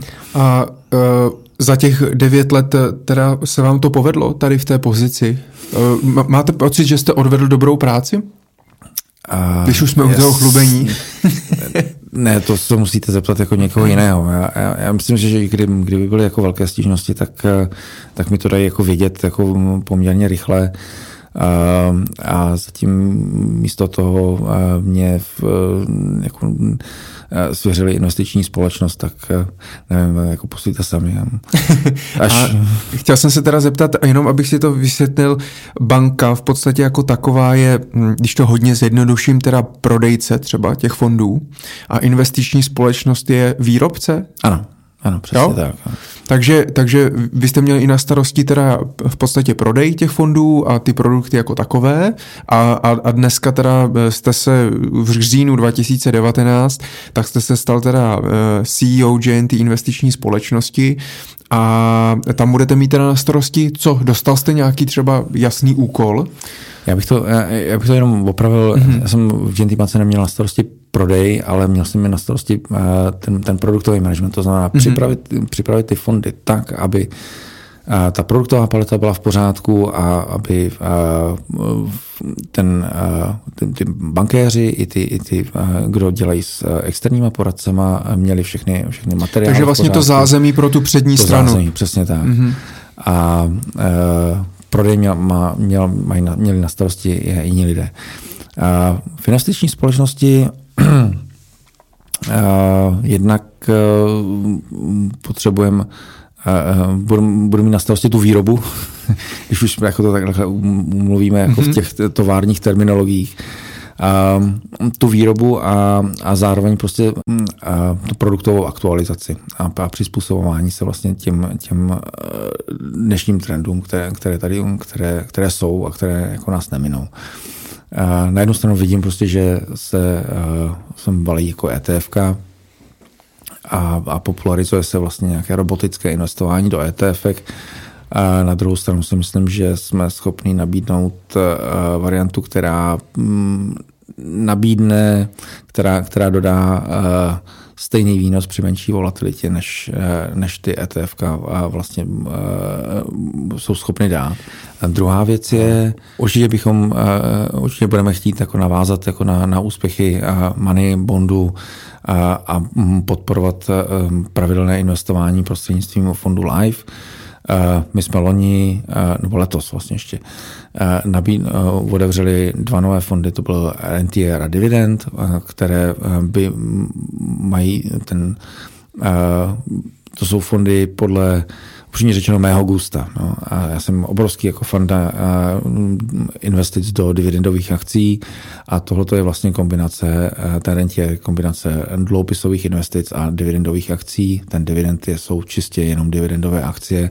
Myslím si, že to je to je věc, která by neměla prostě chybět v každém portfoliu, pokud by, pokud zrovna jako by neměla jako tvořit jako převahu. Ale určitě budeme chtít otevřít eh, klientům ten svět eh, těch neveřejně obchodovaných příležitostí. A vy dneska vidíte, ETF jsou fajn, ale podívejte se prostě do, do, do, do čeho oni investují. A já jsem akcionářem Google taky, jo, ale Google je jako dneska je na PI už skoro 30 zase. Apple, no, uh, je fajn, ale uh, taky jsem, uh, už, už dneska je prostě na valuaci víc než dvojnásobné, než, než bylo prostě před rokem. Loni touhle dobou eh, akcie plus stály 140 dolarů. A dneska stojí 270 dolarů. A ta firma je stejná, jenom prodává o trochu víc jako iPodu. Jo. Takže ty valuace se pohnuly někam a uh, upřímně řečeno, ti, kdo investují do těch ETF, tak to vlastně, tak oni vlastně drtí většině případů jako vlastně jako ty nejvíc kapitalizované firmy, které dneska budou jakoby na těch nejnataženějších valuacích. A tak, jak to šlo dobře nahoru, tak to půjde taky rychle jako i jiným směrem. A uh, vedle toho máte prostě svět, uh, svět jako investic, které nejsou eh, úplně jako vystaveny na tomu, tomu každodennímu prostě eh, kolísání nebo změn těch valuací. A, a zároveň prostě generují pravidelné cash flow. A, a to je svět, který chceme, chceme investorům otevřít. To znamená, že vy budete mít hlavně na starosti v podstatě uh Zachovat aktuální nabídku fondů, rozšiřovat eh, novou nabídku fondů, vyhledávat nové investiční příležitosti a nabídnout prostě možnost, kam ti klienti můžou investovat eh, spravovat eh, více a víc peněz v, ve více a více, pro, více, a více produktech. Ne, v produktech, které dávají smysl, ale samozřejmě budeme, budeme rádi, když ty naše investiční strategie budou úspěšné minimálně tak jako do teďka. Hmm. Pan Tkač nechodí jak Richard Wood? Po chodbě? Uh, ne, ale víte, že když se zeptá, tak musíte mít tu správnou odpověď. Chápu. Takže eh, a jsou teďka nebo můžete prozradit eh, nějaké třeba nové fondy, že jsou třeba v běhu a otevřou se? Samozřejmě, že připravujeme, ale v této chvíli, kdy děláme rozhovor, tak vám můžu říct, že se nový SICAV GNT Finance Group jmenuje GNT Investments a má jeden podfond, který se jmenuje GNT Investments. V tomto fondu, v tom, v tomto fondu plánujeme právě mít dal, další, další portfolia vlastně zaměřené na jednotlivé oblasti. Budeme, budeme kombinovat ty neveřejně obchodované příležitosti, které jsou v oblastech realit, nájemních nemovitostí. Budeme tam mít portfolio zaměřené na, na finanční služby, pohledávky, na na hotely a je tam dalších, spousta dalších a dalších jakoby příležitostí, prostě, které, které vidíme a které budeme dávat do portfolia, kterému říkáme rodinné portfolio. Ono, to, když ve finále ten, ten, ten fond vlastně je bude hlavním fondem vlastně toho family officeu našich akcionářů. A kdokoliv bude chtít investovat s tím, tak jako, jako investuje v rodina, jako investují rodiny našich akcionářů, tak bude mít příležitost. Což samozřejmě dává smysl v uvozovkách takové alternativy, protože pokud dneska, e, já nevím, Fidelity má ETF ze, z management fee e, nula, tak e, těžko se tam nějakým způsobem jako dělá, dělá nějaký biznis. Uh, no, to je zase jakoby jiná, jiná věc, jako ptejte se potom, jako z, z čeho ta, ta, ta Fidelity jako má, má peníze, když jako za službu účtu je nula. Uh, není vám to divné, jako z čeho, z čeho, z čeho ten, ten výnos jako vzniká? Uh, já bych se ptal, Uh, samozřejmě prostě... U... Mám se zeptat, nabádáte mě, abych se zeptal vás? Uh, ne, ne, ne, tak jako... Uh, ne, ty ETF, třeba ty nízkonákladová ETF si přivydělávají tím, že vlastně půjčují akcie a, hmm. a, a mají prostě nějaký, nějaký příjem prostě z, z toho, že vlastně půjčují ty akcie shortařům nebo nicméně ten, to, ten, i, i ta poptávka prostě se, se jednoho dne nasytí. Jo. Uh, a já si nemyslím, prostě, že je dlouhodobě udržitelné, abyste provozoval fondy, které buď účtují nula, anebo vlastně účtují uh, skryté náklady uh, a neříkají vám o nich. Hmm. No, jsem teďka i zvědavý eh, na nějakou konsolidaci na tom americkém trhu. Teď jsem postřehl, že nedávno Charles Schwab uh, dělal akvizici jednoho dalšího broukera a v, podstatě jako výrazně za posledních 30, 30, 40 let se výrazně snížily poplatky eh, za transa, jako transakční poplatky za nákupy akcí a podobně, až v podstatě na nulu. Ale to je na jinou diskuzi. My se blížíme už ke konci a já bych se možná zeptal, vy tu pozici uh, CEO nebo generálního ředitele máte, máte čerstvě, takže to si můžeme pak zase povykládat třeba za pět let znovu u mikrofonu, eh, jestli tam ještě budete nebo budete někde jinde, eh, jaké to bylo a ohlédnout se zatím. Mě by možná zajímalo, je tato pozice pro vás vlastně jako v tuhle chvíli nejvyšší dosažená meta v životě, nebo berete to tak? No, já si myslím, že nejvyšší dosažená meta v životě jako je, jako že, kariérně, myslím. Eh, že, že, máte jako dvě děti, které jsou jako na vysokých školách a zatím jako eh, vás ještě neví, eh, se k vám hlásí. Jo. To je jako mnohem větší hodnota jako než jakýkoliv kariérní postup. Um, je to pro vás čest? Eh, no určitě, eh, to bych, eh, jako jsem, jsem, jsem rád, jako že mi to bylo svěřeno, jsem rád, že se mnou lidi chtějí dělat a doufám, že spolu budeme dělat jako velké věci. A komu se vlastně dneska zodpovídáte? Vy jste v podstatě teď se jako posunul paralelně vedle Štěpána Šera, že? Ne, ne, ne. Já, já se zodpovídám dozorčí radě a samozřejmě valný, valný hromadě. Tak jako on. Což je jediným akcionářem jako investiční společnosti je JNT banka. Mm-hmm. Jo, JNT banka vlastní JNT investiční společnost. Ano. Aha, tak, takže se... Chápu. No, nemáme čas už rozebírat eh, pavučinu uh, eh, JNT společností. Eh, já bych se možná nakonec ještě zeptal, je něco, co byste chtěl našim posluchačům vzkázat? Nějaké moudro, motivaci, inspiraci? Ně, něco, co byste prostě chtěli jim vzkázat?